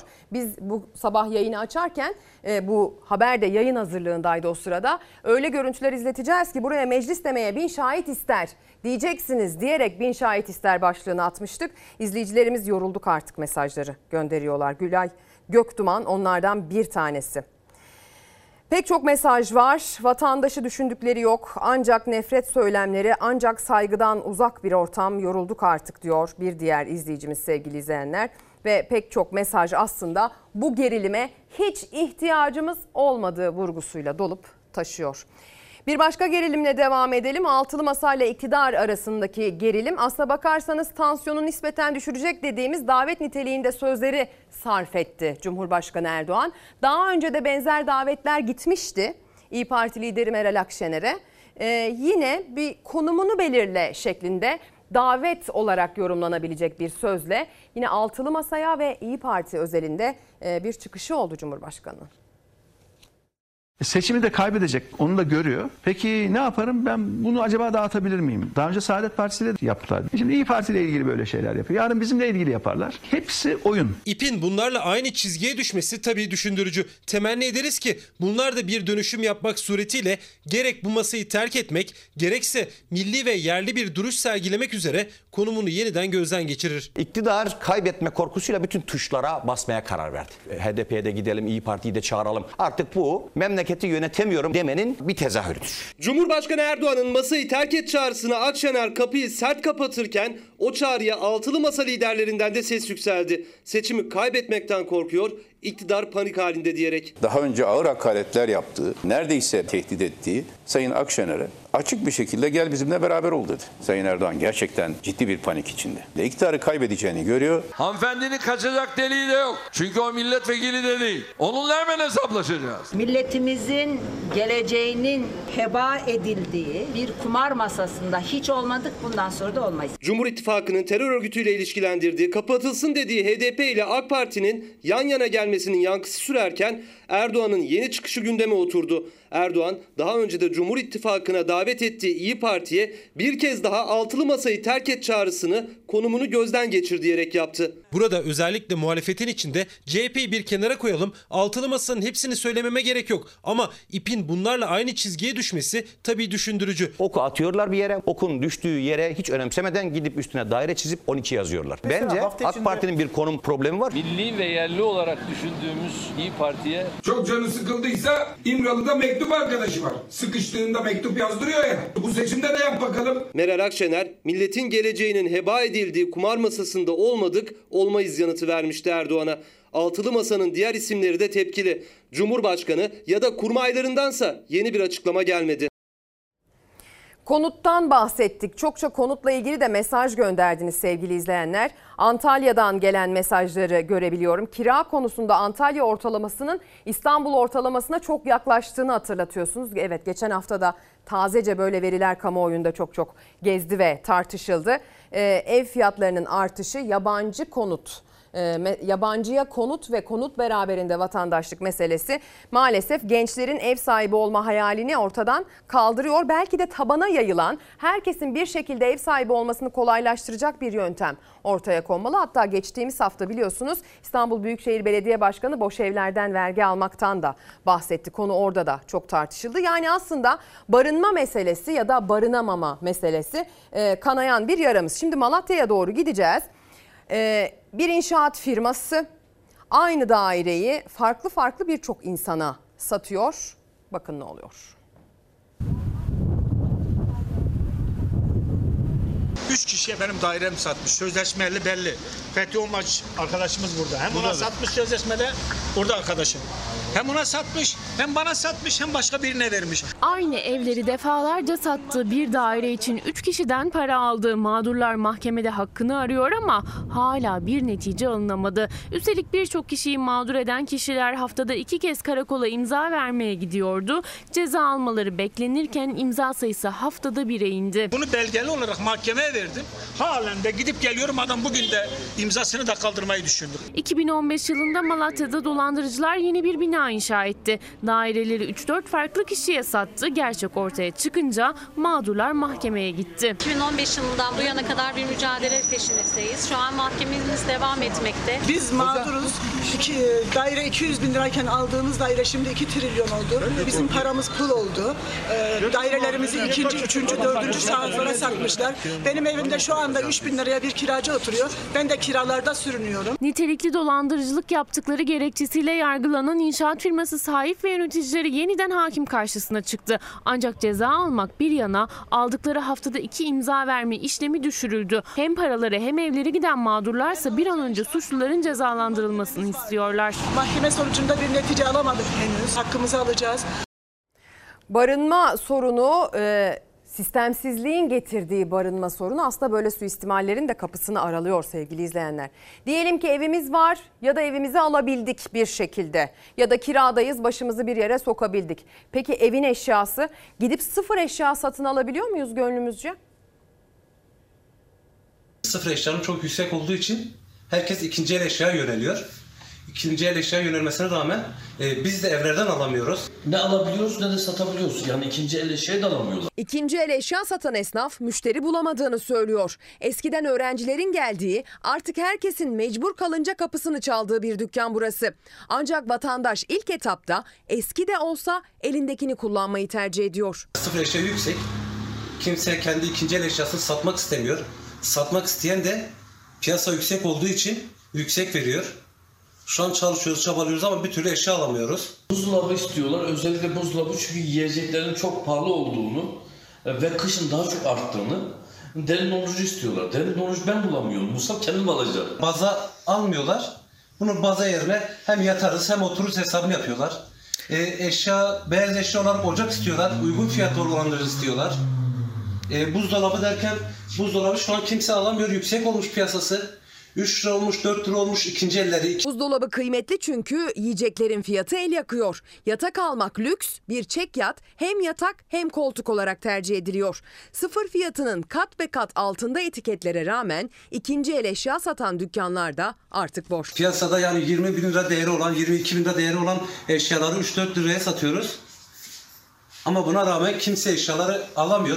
Peşin nakit para ödeyemiyor. İnanır mısınız 50 lira 100 liranın pazarlığını yapıyorlar var mı diye haykırıyorlar. Artık almadan ziyade haykırıyorlar. İkinci el eşya satanların müşterilerinin dahi azalması bir Türkiye tablosu ortaya koyarken esnaf kendi halini de sorguluyor. Biz kendi halimize, alınacak halimize biz neden yaşıyoruz?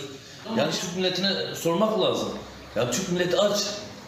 Ha aç dedim şöyle Allah ekmek vermiş Cenab-ı Allah'a şükür de yani biz geri yüzüne sadece ekmek yemeye gelmedik ki. Soğan yemeye gelmedik. E, yukarıdakiler yiyorsa etiyle böreğiyle yani biz de insanız biz, biz de yiyebiliriz.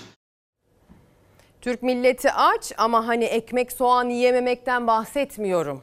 Yukarıdakiler gibi bal börek yiyebilmekten bahsediyorum diyor esnaf görüyorsunuz değil mi? Hani bit pazarına nur yağdı haberleri yaptık ikinci ele rağbet var ama spot eşya satanlara baktığınızda ne alabiliyorlar?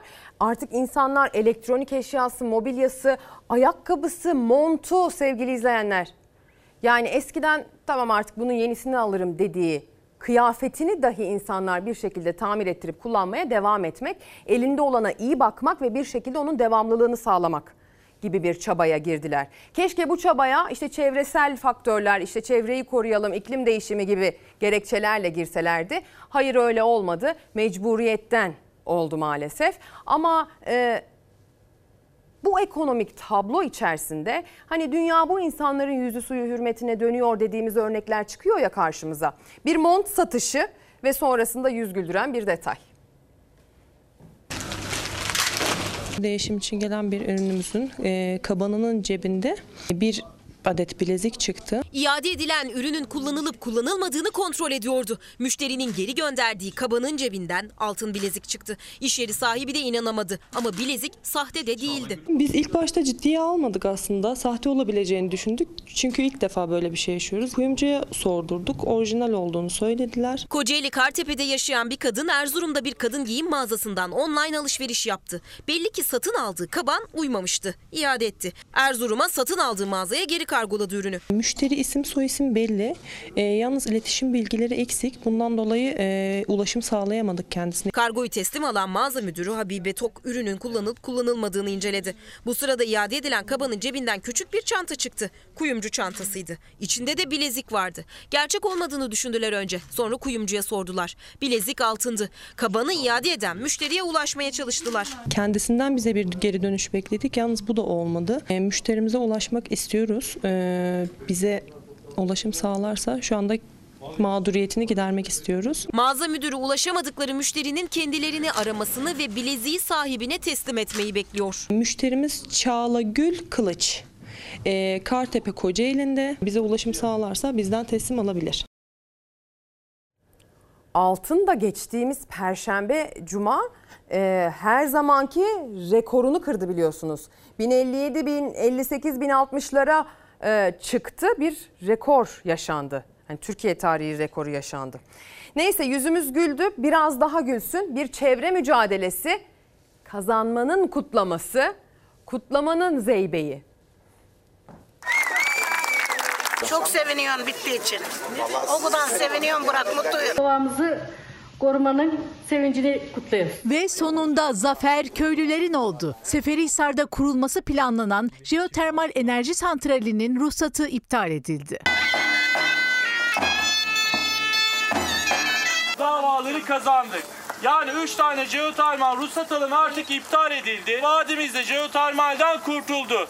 Bugün de aslında Soludukları hava, içtikleri su, ektikleri toprak ve binbir emekle yetiştirdikleri zeytin ağaçları içinde mücadeleleri. Ve tabii ki çocuklarının geleceği için yaklaşık iki yıldır da hiç susmadılar. Kesilen zeytin ağaçlarını bile tekrar yerine diktiler, umutsuzluğa hiç kapılmadılar. Geleceğimiz dokanmasınlar bizim ağaçlarımıza. İzmir'in Seferihisar ilçesine bağlı Orhanlı Köyü sakinleri jeotermal enerji santraline karşı çıktıkları davayı kazandı. İzmir 3. İdare Mahkemesi 3 adet ruhsatın iptaline karar verdi. Çok sevindik kazandık diye. İnşallah bir de daha bir şeycik olmaz köyümüze. Esasında kazanan gerçekten bizler değiliz. Doğa ve işte geleceği olan çocuklar. Dualarına sahip çıkan Orhanlı köylüleri kararı zeybek oynayarak kutladı.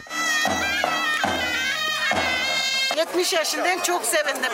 Çolum çocuğuma torunum Allah günleri göstermesin. Sevinç büyüktü, yüzler güldü. Ancak şirketin yeni bir hamlesine karşı da her an tetikte hepsi. Geçmişten beri tertemiz olan doğamız, havamız bundan sonra da böyle tertemiz kalsın, kirlenmesin.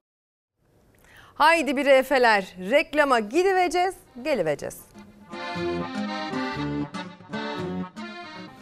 Günaydın sevgili izleyenler. Kaldığımız yerden Çalar Saat hafta sonuna günün gündemini size aktarmaya devam ediyoruz. 19 Kasım sabahında şu saat itibariyle sınava girmeyi tercih eden öğretmenler ter döküyorlar efendim. Öğrencilerin okuduğu o sıralarda. Herkes kendi şehrinde de girmiyor anladığım kadarıyla. Kimisi komşu ilçeye gitmek zorunda kalıyor.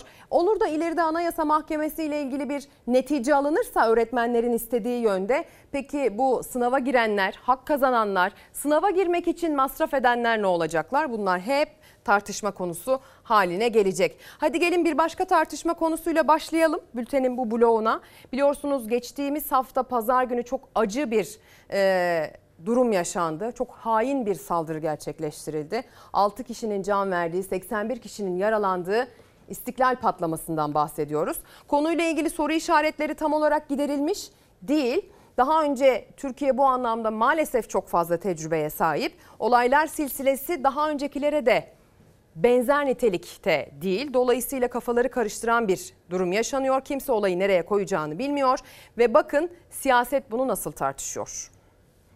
İstiklal Caddesi saldırısı PKK'nın daha önce defalarca gördüğümüz sivil katliamlarından birisidir. İstiklal Caddesi saldırısından münbüşten oldu. Taksim saldırısına ilişkin yeni açıklaması İçişleri Bakanı'nın ilk gün saldırı talimatının Kobani'den verildiğini açıklamıştı. 5 gün sonra bu kez Menbiç'ten dedi. Bu saldırının Kobani talimatıyla geldiği çok açık ve net ortadadır. İstiklal Caddesi saldırısından münbüşten oldu. Makamına geldiğin gün bir tek güvenlik makalesi okumamakla övünen birinin cehaletini hep birlikte 85 milyon çekiyoruz. Suriye'nin kuzeyinde Kobani'de de Menbiç'te de terör örgütü PKK, PYD, YPG var. Ancak Kobani'de teröristlerle birlikte Amerika tek hakim. Menbiç'te Rus güçler de yer alıyor. Soylu'nun açıklamalarına yönelik tepkilerin ardından bakan yardımcısından yeni açıklama geldi. İstiklaldeki saldırıda teröristin Kobanili tekstilcinin evinde barındırılması talimatı Kobani'den, eylem talimatı Münbiç'ten, saldırıdan sonra teröristin saklanması talimatı Kamışlı'dan. Çarpıtarak korumaya çalışmayın. Olayın faili PKK, PYD'dir. Amerikan Büyükelçiliğinin taziye dilemesini kabul etmiyoruz, reddediyoruz. İçişleri Bakanı saldırının arkasında Amerika olduğu konusunda net.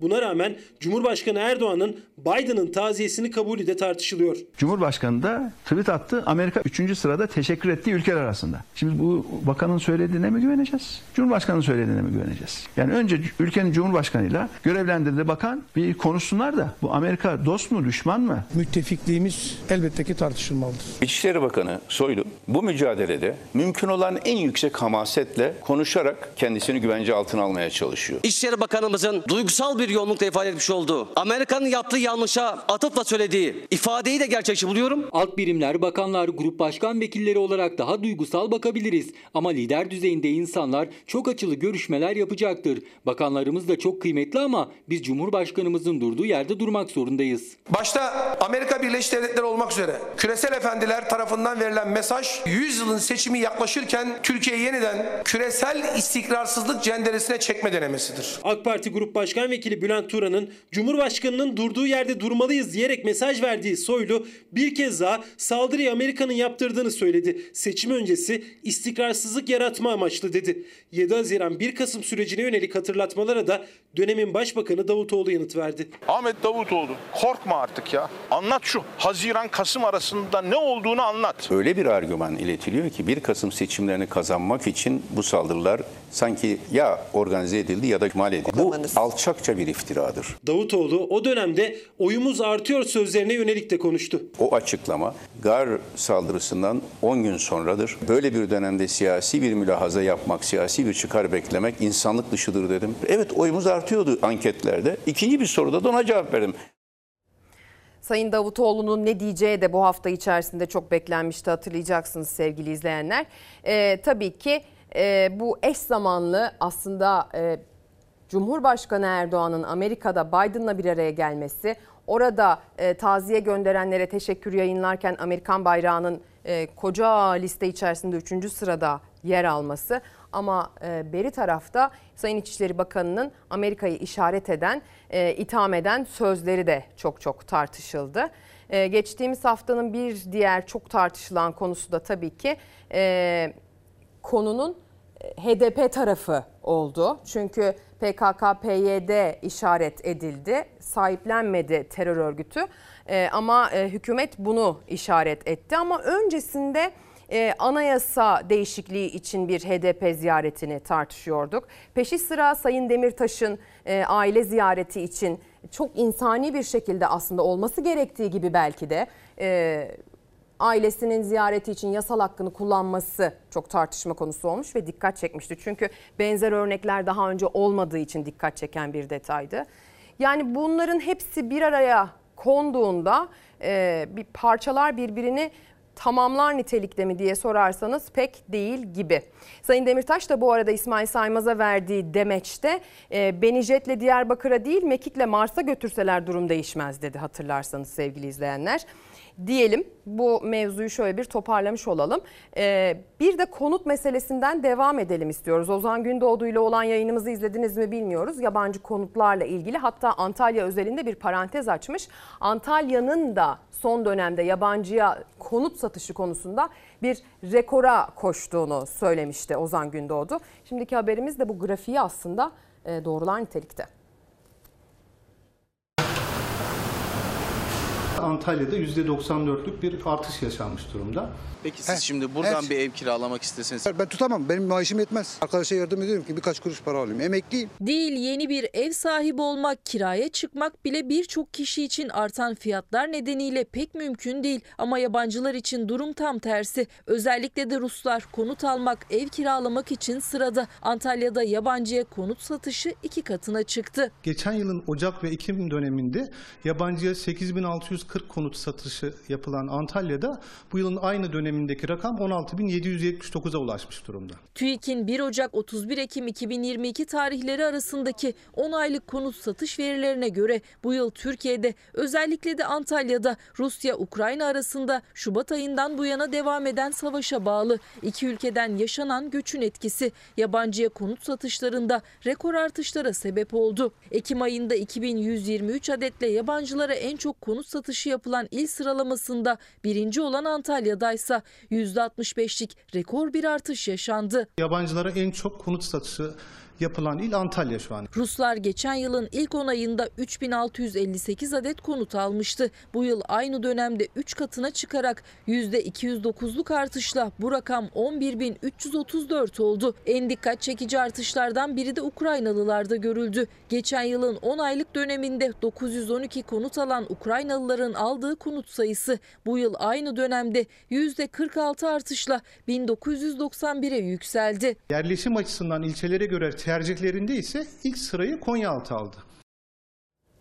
Şimdi kameralarımızı Zonguldak'a doğru çevireceğiz. Zonguldak'ta suya rekor bir zam yapıldı. Su zammı tartışması raftan inecek gibi.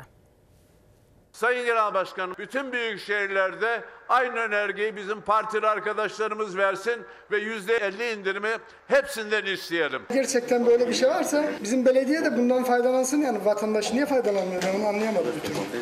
Ankara'daki suyun rakamını biliyor musunuz? Ben bilmiyorum. Rakam bilmeme gerek yok yani yüzde elli indirim var ya doğal olarak o zaman bizim şehirde de uygulansın. Ankara'da yapılan su indiriminin Elazığ'da da yapılmasını istemişti CHP'li meclis üyesi. Ama değil indirim %40 zam kararı çıktı Elazığ Belediye Meclisi'nden. AK Partili Sakarya Büyükşehir Belediyesi de suya %50 zam yaptı. Bir zam haberi de Zonguldak Belediyesi'nden geldi. Hem de %190 gibi rekor bir oranda. Zamsız hiçbir şey yok. Allah yardımcımız olsun. Akmayan sulara zamlı fatura ödeyeceğiz. Vallahi vatandaşa Allah kolaylık versin. Çok yapmış ya. AK Parti Ankara'da su fiyatları aşağı çekilsin diyor. Aynı AK Parti Sakarya'da ve Elazığ'da su fiyatlarına zam yapıyor. Bu ne periz, bu ne lahana turşusu. Aralık ayından bu yana elektrik fiyatları %400 arttı.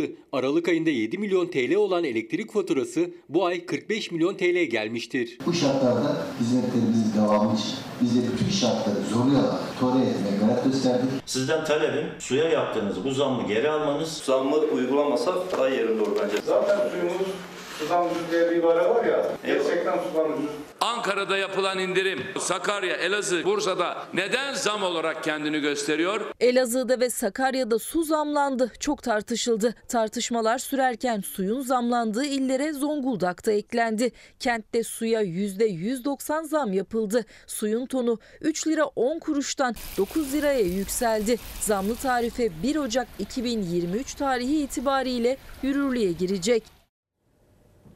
İşte bu o su tartışmasını yeniden alevlendireceğe benziyor sevgili izleyenler.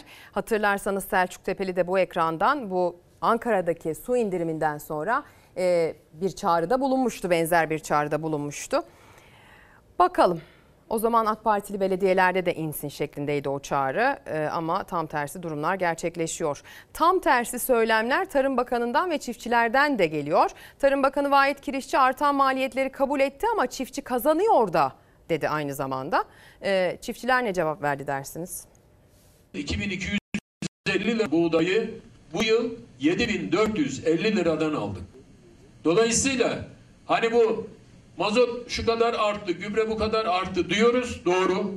Ama bunların karşılığı olan paraları da biz bu ürünlerin müdahale fiyatlarında da birebir yansıtmış olduk. Tohum almadım. Tohumu almak için bekliyorum. Tohum fiyatları 15 bin lira. Geçen yıl 5 bin liraydı. Tarım Bakanı Vahit Kirişçi gübre, mazot gibi tarımda temel girdilerdeki artışı kabul etti. Ama biz de üreticiye karşılığında ürününü alırken yüksek fiyatlar verdik dedi. Ama üreticinin kazancı yüksek maliyetlere yetişemedi. 2021 ile 2022 arasında fahiş fiyat farkları var. Geçen yıl şu aylarda biz mazotun litresini 7 liraya alırken şu anda 27 liraya yaklaştı. Gübre fiyatları bir önceki yıl alırken 3500-4000 lira şu anda 12500 lira. Girdiler çok fazla arttı. Geçen yıl e, kullandığımız ot ilaçları 15 liraysa şu anda 100 liraya kadar yaklaştı dekardaki maliyetimiz ilaçlarda kullandığımız. Çünkü ilaç kullanmadan tarım yapılmıyor. Kirişçi sen yeter ki ek programında konuştu. Üreticilere mutlaka tarım sigortası yaptırmaları gerektiğini söyledi. Çiftçi zaten sigortasını yaptırıyor ama sel gibi durumlarda da her çiftçi sigortadan para alamıyor. Aracımızı nasıl zorunlu trafik sigortası yaptırıyorsak bizim de üreticiler olarak sigorta uygulamasına ehemmiyet vermemiz gerekir. Anadolu'da bu muhitte bir söz vardır. Korkulu rüya görmektense uyanık yatmak evladır diye. Biz uyanık yatalım. Bölgemizde Tarsim olarak desteklemelerimiz mevcut, sigortalarımız var. Ancak köyümüzde ve çevre köylerimizde Tarsim'den yararlanmayan arkadaşlarımız da var çiftçi olarak. Alabilenin ise aldığı miktar zararını karşılamıyor. Polişe başlangıçlarında bizim birim fiyat olarak belirlediğimiz rakamlar şu anki fiyatların çok çok altında. Eğer Tarsim'den gerekli desteği alsak bile bizim maddi hasarlarımızı karşılayabilecek bir durumda değil. Kirişçi yeni dönemde isteyen istediği yere ekemeyecek de dedi. Yeni dönemde her isteyen istediği yere istediğini ekemeyecek, dikemeyecek. Bizim bu üretim planlamasının gereği olarak Böyle bir adımı da atacağız. Yılbaşında hayata geçecek tarım cebimde uygulamasıyla ekilmek istenen alan elektronik ortamda incelenecek. Onay çıkmazsa ve orada ekim yaparsa üretici destek alamayacak. Üreticilerse bildikleri arazilerinde üretim yapmak istiyorlar. 5 yıl süreyle her türlü tarımsal desteklerden ve kredi desteklerinden kamu olarak yararlandırmayacağız. Amacımız başıboşluğu, gelişi güzelliği artık tarımın lügatinden çıkarmak olacak. Torunlarımıza iyi bir miras bırakabilmek için şu anda dimdik karşı durmamız gerekiyor. Tarım Bakanı Sayın Vahit Kirişçi e, çiftçinin geliri arttı diyor. Bugün bin şahit ister başlığını attık. Galiba bunu doğrulamak için gerçekten binden de fazla şahit ister sevgili izleyenler. Ekran başındaki EYT'liler bizimle ilgili haber yok mu diye sormaya saatler önce başlamışlardı. Ben de var demiştim. Geç olsun güç olmasın. Ben EYT'yi bekliyorum. İnşallah olursa ben de emekliyim. SSK ile Bağkur'un birleşmesini yapacağım. İnşallah e, hükümete gözümüzü diktik. Bu hazırlık EYT yasasına mı? Herhalde EYT yani başka ne olabilir yani? Yasa ne olacak, ne durumda çıkacak, kimleri vuracak, nasıl olacak hiç bilmiyoruz. İçeridekileri de bilmiyoruz. Detaylar netleşmedi. Kafaları karışık EYT'lilerin akıllarında soru işaretleri Sosyal Güvenlik Kurumu merkezlerine gidip durumlarını sordular. Şartları belli değil ama çeşitli söylentiler var mesela. Ee, şöyle olacak, böyle olacak diye. Emeklilikte yaşa takılanlarla ilgili biraz daha önceden e, Çalışma Bakanlığı açıklama yapabilirdi. Hem devletin kurumlarını rahatlatırdı hem de özel sektörü de rahatlatırdı. İşte işverenler kıdem tazminatı için hazırlık yaparlardı. Yıllardır beklenen EYT yasası ufukta görünüyor artık ama detayları belli değil. Bakanlık ser veriyor, sır vermiyor adeta. Yine de çalışanlar Sosyal Güvenlik Kurumu merkezlerinde yoğun bir EYT mesaisi oluşturuyorlar. Çünkü en ufak bir detay nedeniyle emekliliği kaçırmak istemiyorlar. Çıkacak EYT yasasına ön hazırlık yapıyorlar. Sosyal güvenlik kurumlarına da müracaatlar fazlalaştı. 1 milyon üzerindeki kişi emekli olacaktır. Bu kadar kişinin sosyal güvenlik kurumuna gidip müracaatta bulunması tabii çok zor. Çalışma Bakanı'nın EYT için Aralık ayını işaret etmesinin ardından SGK'da da EYT yoğunluğu yaşanmaya başladı. EYT'liler SGK prim ve gün sayılarını hesaplatmaya gelirken özellikle askerlik prim borçlanması için gelenler yoğunluğu oluşturuyor. Hesaplattınız mı? Evet hesaplattım. Ne kadarmış? 28 bin lira çıktı. Askerlik borçlanması? Evet askerlik borçlanması. Tamamını borçlandım. 37 200 küsür ne çıkıyor? Doğum için ödeme ne kadar yapabilirim onu soracağım. Borçlanmanın bedeli borçlanmak istenilen gün sayısına göre belirleniyor. Primi eksik olanların EYT yasasından faydalanmak için binlerce lirayı gözden çıkarması gerekiyor. Aşağı yukarı benimki 40 bin liraya yakın falan tutuyor. Eksik priminiz var mı? Bir senem var, ee, üç doğum borçlanmam var. 3 çocuk için doğum borçlanması yapacak dediniz mesela bir kadın. 2160 gün yapar. 6 yıl. Bunun karşılığında da en az minimum tutarlardan 149.083 lira para yatırması lazım. Muhakkak devletin kredi imkanı sunması lazım. Bunu da bekleyen yine on binlerce kişi var. Sosyal güvenlik uzmanı Özgür Erdursun borçlanarak emekli olmayı planlayanlar için 31 Aralık'a dikkat çekti. Çünkü yeni yılda gelecek yeni zamların arasında borçlanma bedeli de olacak. Borçlanmalar da asgari ücrete göre belirleniyor. 31 Aralık'a kadar da müracaatta bulunanlar güncel mevcut asgari ücrete göre müracaatta bulunacak. 1 Ocağı kalırlarsa şayet yeni asgari ücret. E, asgari ücrete de en az %50 zam yapılacağını öngörüyoruz. EYT meselesiyle ilgili gelinen son nokta böyle bir telaş var efendim gidiyor bu telaş. Şimdi Murat Dağı'nda altın madeni tartışmasına dair bir haber getireceğiz ekrana. Bu adresteki altın madeni e, ne karşı verilen mücadelenin ilk haberini vermiyoruz. Seneler içinde bu konuyu e, defalarca gündeme taşıdık. Gündem oldu çünkü. E, şimdi çevreciler ve bölgenin milletvekilleri konuyla ilgili Ankara'ya çıktılar ona bakacağız. Altını ayrıştırmayacağız, altını sadece çıkaracağız dedi firma. Murat Dağı'nda tekrar maden ocağı açabilmek için 3 yıl aradan sonra yeni bir ÇED başvurusunda bulundu. Ama o başvuru itiraf metni gibiydi. Eski başvuruda bölgede 2100 ağaç kesileceği yazılmıştı. Ama aslında 190 bin ağaç kesilecekti. Yanlış hesaplamışız denildi. Uşaklı köylüler, çevreciler, CHP, İyi Parti milletvekilleri ve MHP'li belde belediye başkanı hazırlanan ÇED dosyasını görüşmek için Ankara'daydı. Şirketin madeni çıkarmak istediği bölge 1200 ile 1400 bir rakım arasında. Ve bu oranın yağış haritasını çıkarmak için 700 metredeki meteoroloji istasyonunun verilerini aldılar. Ve bu verilerle bu bölgenin yağış sistemini, yağış rejimini temelli değersizleştirdiler. Raporu 2019'dakine göre yumuşattık, ettik, tuttuk. Orada siyanür kullanmayacağız, yükleyeceğiz, götüreceğiz, başka bir yere götüreceğiz. Yok. Kabul etmediğimizi beyan ettik. Uşak ve Kütahya arasında yer alıyor Murat Dağı. Bölgenin hem oksijen hem su kaynağı. Murat Dağı'nda siyanürle altın ayrıştırmak için açılması planlanan maden ocağı 2019 yılında yöre halkının tepkisi üzerine iptal edildi. Yargı kararıyla firma çalışmayı durdurdu. Ancak 3 yıl aradan sonra aynı firma bu kez altın ve gümüş madeni kapasite arttırımı için harekete geçti. Çevre Şehircilik ve İklim Değişikliği Bakanlığı'na yeniden ÇED başvurusunda bulundu. O başvuruda yazılanlar itiraftan farksızdı. Firmanın 2017 yılında sunduğu ÇED raporunda 2100 ağaç kesileceği söylenmişti. Ama yeni raporda aslında 190 bin ağaç kesilecekti denildi.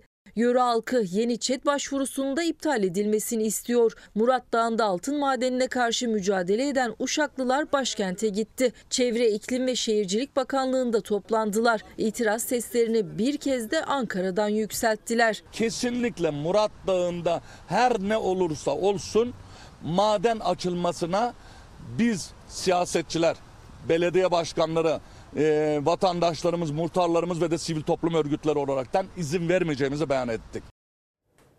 Durumu takip etmeye devam ediyoruz sevgili izleyenler. Çok uzun haftalardır yazdan bu yana takip ettiğimiz bir diğer durumsa öğretmenlerin sınavı. Biliyorsunuz baş öğretmenlik, uzman öğretmenlik şeklinde e, kademelendirilmek niyetinde öğretmenler. Buna yönelik bir e, ücret artışı da yaşayacaklar. Emeklilerin, emekliliklerine yansımayacak. Bir itibar endişesi içerisindeler. Sürüklenerek gözaltına alınmak pahasına yaptılar eylemlerini, seslerini yükselttiler. Bir boykot çağrısı da vardı. Ne kadar uyuldu, uyulmadı bugün görülecek ama e, çok da uyulamayacak gibi duruyor bu koşullar altında bu boykota. Dün akşam saatlerinde orta sayfa saat 23.30'da yine açıldı. Orta sayfanın içinden Türkiye'nin gündemine dair pek çok çarpıcı bilgi ve yorum çıktı. Doğan Şentürk yönetiminde deneyimli gazeteciler bu öğretmenlerin girecek oldukları sınavı da değerlendirdiler. Bugün bir sınav yapılacak. Öğretmenler sınava giriyor, gözetmenleri yine öğretmen. Neresinden tutsan elinizde kalacak bir kanun. Bu öğretmenlik meslek kanunu. Çok öğretmenler itiraz etti daha doğrusu sendikalar, eğitim sendikaları ama e, kanun çıktı. E, öğretmenler e, kariyere ihtiyacımız yok bizim diyorlar. Yani bizim ihtiyacımız olan şey kariyer değil. Onurlu bir yaşam sürecek, e, yaşam standartlarına kavuşmak, ona uygun bir ücret politikası. E, evet, yasayla getirilen gösterge tamam evet uygun güzel ama sadece bundan ibaret başka bir şey yok. Yani bir baş öğretmen, normal öğretmen, ikili bir ayrım olacak, sınava girecek. Sınavı kazananlar daha iyi mi öğretmen olacak? Kaybedenler şey daha mı kötü öğretmen olacak? Çoktan yani seçmeli bir sınavla çoktan... anlaşılacak şey değildir bu. Şöyle bir dosya var hepsinin önünde. Konu başlıklarının olduğu. Bunları ezberleyeceksin. Bunlardan soru çıkacak diye önlerine koymuşlar. Ya Test 30, mantığı yani. 30 yıllık öğretmen Yazık. oturmuş böyle bir dosyayı okuyor aylardır. Öyle. Bir öğretmenin WhatsApp grubunda bir sendika tarafından yayılıyor. Yine bu şeyde KPSS skandalında adı geçen bir yayın evi vardı. Onların hazırladığı bir soru şey listesi. Şimdi bakalım çıkacak mı diye onu takip yani edecek diğer sendikalar. Şimdi şeyden evet. ka- kamuoyunun dikkati çekildiği için sormayabilirler onları. Ama bir sürü öğretmen onu saklıyor şu anda. Bakalım kimler terfi edecek, kimler sınavda kaybedecek? Ya gerçekten Türkiye eğitiminin sorunu bu mudur ya? Ya. Yani bir de bir de şunun da altını çizmek isterim. Bu ülkede bir tane baş öğretmen vardı. Evet. Baş öğretmen kavramını da sulandırmak istiyorlar. Tabii tabii. Yani orada da ben bir art niyet görüyorum. Bu ülkede bir baş öğretmen vardır, tek baş öğretmen vardır. Zannetmiyorum ki bugün sınava girenler de onun yerine geçmek niyetinde olsunlar aslına bakarsanız ama e, mevzunun başlığı böyle atılmış. Sevgili izleyenler, öğretmenler odasının huzursuzluğu daha şimdiden başladı. Neticeler ortaya çıkmadan e, bir veli olarak düşünün kendinizi. E, adının önünde baş öğretmen yazan ya da uzman öğretmen yazan bir öğretmeni mi tercih etmek isteyeceksiniz? Ya da tercih etmediğiniz zaman acaba diye bir soru işareti kafanızda kalacak mı kalmayacak mı? E, bu konuda bilinçli olan veli var, olmayan veli var. Ya da mesela diyelim ki boykot etmek istiyorsunuz ama 1200 liraya da ihtiyacınız var. Ya da boykot etmek istiyorsunuz diyorsunuz ki aynı öğretmenler masasında çay içtiğim bir başka arkadaşım baş öğretmenken ben sıfatsız mı kalacağım? Bir gurur meselesi de olmaya başlıyor bu. Bugün ne kadar katılım sağlandığını ben de merakla bekliyorum açıkçası. Ee, iyi bir haber verelim. Tedbir almanın önemini vurgulayan bir haberle devam edelim. Anneannem almıştı kaskımı bana zamanında. Benim iyi bir kaskım yoktu ilk motosiklete başladığımda. Rüyasında görmüştü. Kaza geçiriyordun, sana bir şey oluyordu diye. Ee, kendisi bana kask almam için para biriktirip vermişti. Ee, anneannem sağ olsun kaskta hayatımı kurtardı açıkçası. O kaza gerçek oldu. O kask genç kadının hayatını kurtardı. Motosiklete gönül veren Aslı Ece Ersoy'u anneannesinin aldığı kask hayata bağladı. İş yerine giderken maalesef e, bir kaza geçirdim. Orta şeritteki araç e, döner kavşaktan e, dönmek için sola aniden önüme kırdı. 22 yaşındaki Aslı Ece Ersoy Eskişehir'de işe gittiği sırada motosikletiyle kaza yaptı. Omurgası kırıldı. 4 ameliyat geçirdi. Yoğun bakımda yaklaşık 20 gün kaldım. Çok e, ağır ve acılı günler geçirdim. Hala da acılarım maalesef devam ediyor. Fizik tedavi oluyorum. Şu an için yürüyemiyorum. Kemikler kaynadıkça tekrar yürüyebileceğim. Tedavi süresi uzun Ersoy'un yürümek için bile zamanı var. O yüzden de en sevdiği motosiklete biraz daha uzak kalacak. Motosiklet benim hayatımda e, yaptığım en güzel şey. Hala bunun arkasındayım. Gezdiğim yerler, e, verdiği his çok bambaşka. E, ileride motosiklete devam eder miyim? Bunu çok soran oluyor. Şu an için öyle bir düşüncem yok açıkçası. Devam ediyoruz sevgili izleyenler. Ee, bir bebek ve öğretmen olan annesinin hikayesiyle. Alacaksın mı? Ne o? Para mı? Ağaçlar onların, dereler onların. Yukarıda gökyüzü, ayaklarının altında toprak. Bir yaşındaki Güney babasının sırtında doğayı keşfediyor. Hangisi palamut ağacı? Tak. Aferin oğluma. 36 yaşındaki Çağdaş Bozkurt okul öncesi öğretmeni. Tunceli'de bir anaokulunda görevli. Mesleği gereği günü çocuklarla geçiyor ama kendisinin de bir yaşında Güney isminde bir bebeği var. Baba oğul bir süredir Tunceli'nin vadilerinde doğa yürüyüşüne çıkıyor. Ee, önce Güney'le küçük turlar e, yapmaya başladık. Artık çantayı gördükçe dışarı çıkma isteği e, doğmaya başladı. Çağdaş Bozkurt oğlu Güney'i bebek taşıma aparatlı trekking çantasına koyuyor ve o şekilde ormana gezmeye götürüyor. Bazen kilometrelerce yol kat ediyorlar. Alacaksın mı?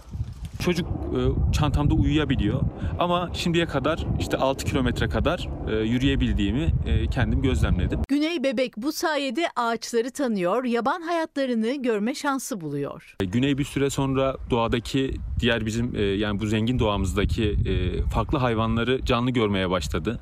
Yani bir keresinde işte yamaçtaki dağ keçisini kendisi fark etti. E, kendisi bana seslendi. Bol bol sincap izledik. E, ördekleri izledik. E, güvercinleri e, izledik. Baba Çağdaş Bozkurt karnı acıktığında da bebeğini doğada besliyor. Ham. Bu zenginliği aslında sadece kağıt üzerinde çocuklara göstermenin e, çok faydalı olduğunu düşünmüyorum. Onlarınki aslında içinde bir baba oğul hikayesinden fazlasını barındırıyor. Çağdaş Bozkurt tüm ailelere çocuklarını doğa sevgisiyle, doğayla temas ettirerek yetiştirmeleri tavsiyesinde bulunuyor. Her ebeveynin mutlaka çocuğuyla doğada zaman geçirmesi gerektiğini düşünüyorum. Anne çocuk diye anons ettim. Meğer örnek bir babayla çocuğu diye anons etmeliymişim sevgili izleyenler. Genç babalar rahatsız rejiden. Şimdi bir tarım haberi için pamuğun durumuna bakmak için kamerayı Adana'ya çevireceğiz.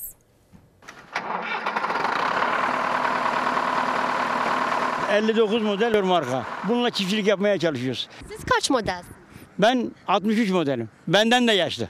Manevi değeri mi var yoksa değiştirmek arzu eder misiniz? Elbette ki değiştirmek arzu ederim. Daha iyi bir, daha güçlü bir traktörle yapmak isterim.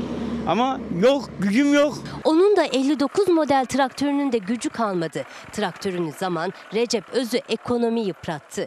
25 yıllık çiftçi bu senede heyecanla ekmişti pamuğunu ama şimdi elinde zarar, kalbinde hüsran kaldı. Sattınız mı? Evet. Kaç liradan? 12 liradan sattık. Pamuk 11-12 lira o da zorla zorla veriyor.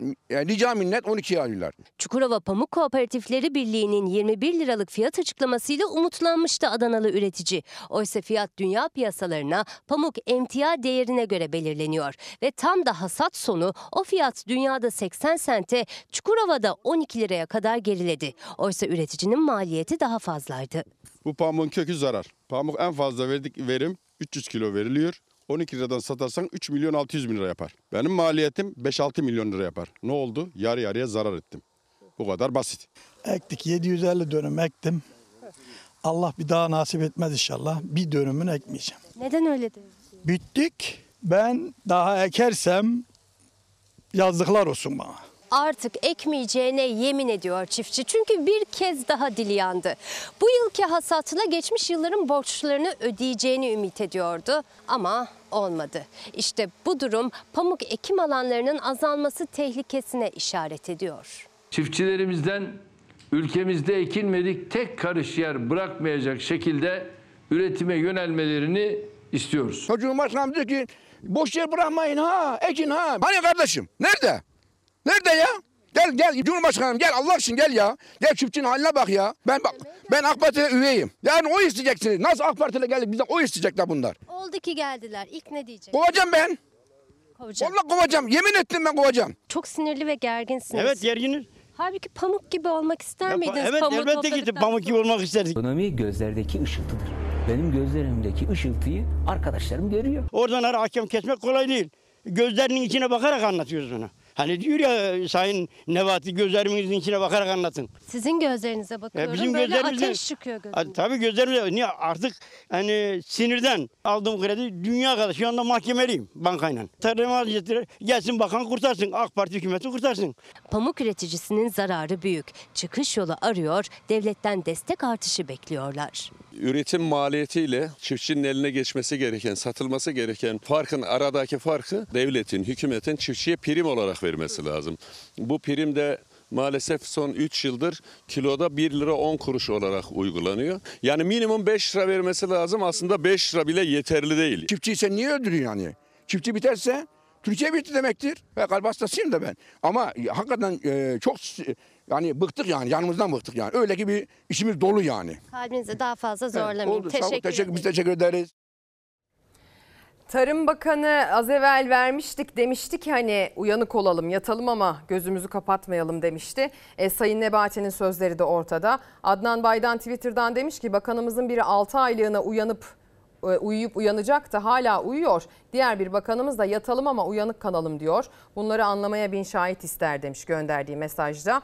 Bir de sınavı boykot eden ve buna dair basın açıklaması yapan öğretmenler e, fotoğraflı mesajlar göndermişler. Kariyer basamakları bursluluk sınavını boykot edip Manisa Şehitler Ortaokulu önünde basın açıklaması yaptık. Susmayacağız, vazgeçmeyeceğiz, boykot diyorlar. E, Yasemin Çandır gönderiyor mesajı.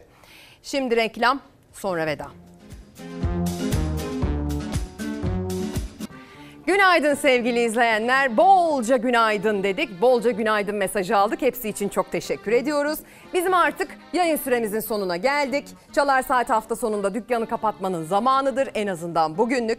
Türkiye'den ve dünyadan gelişmeleri derlediğimiz bir diğer Çalar Saat hafta sonuyla yarın sabah saatler 8.30'u gösterdiğinde karşınızda yine arıza endam edeceğiz efendim. Eğer siz de bizim karşımızda olursanız o vakit yaptığımız hazırlığın bir anlamı olur. Görüşmek üzere. thank you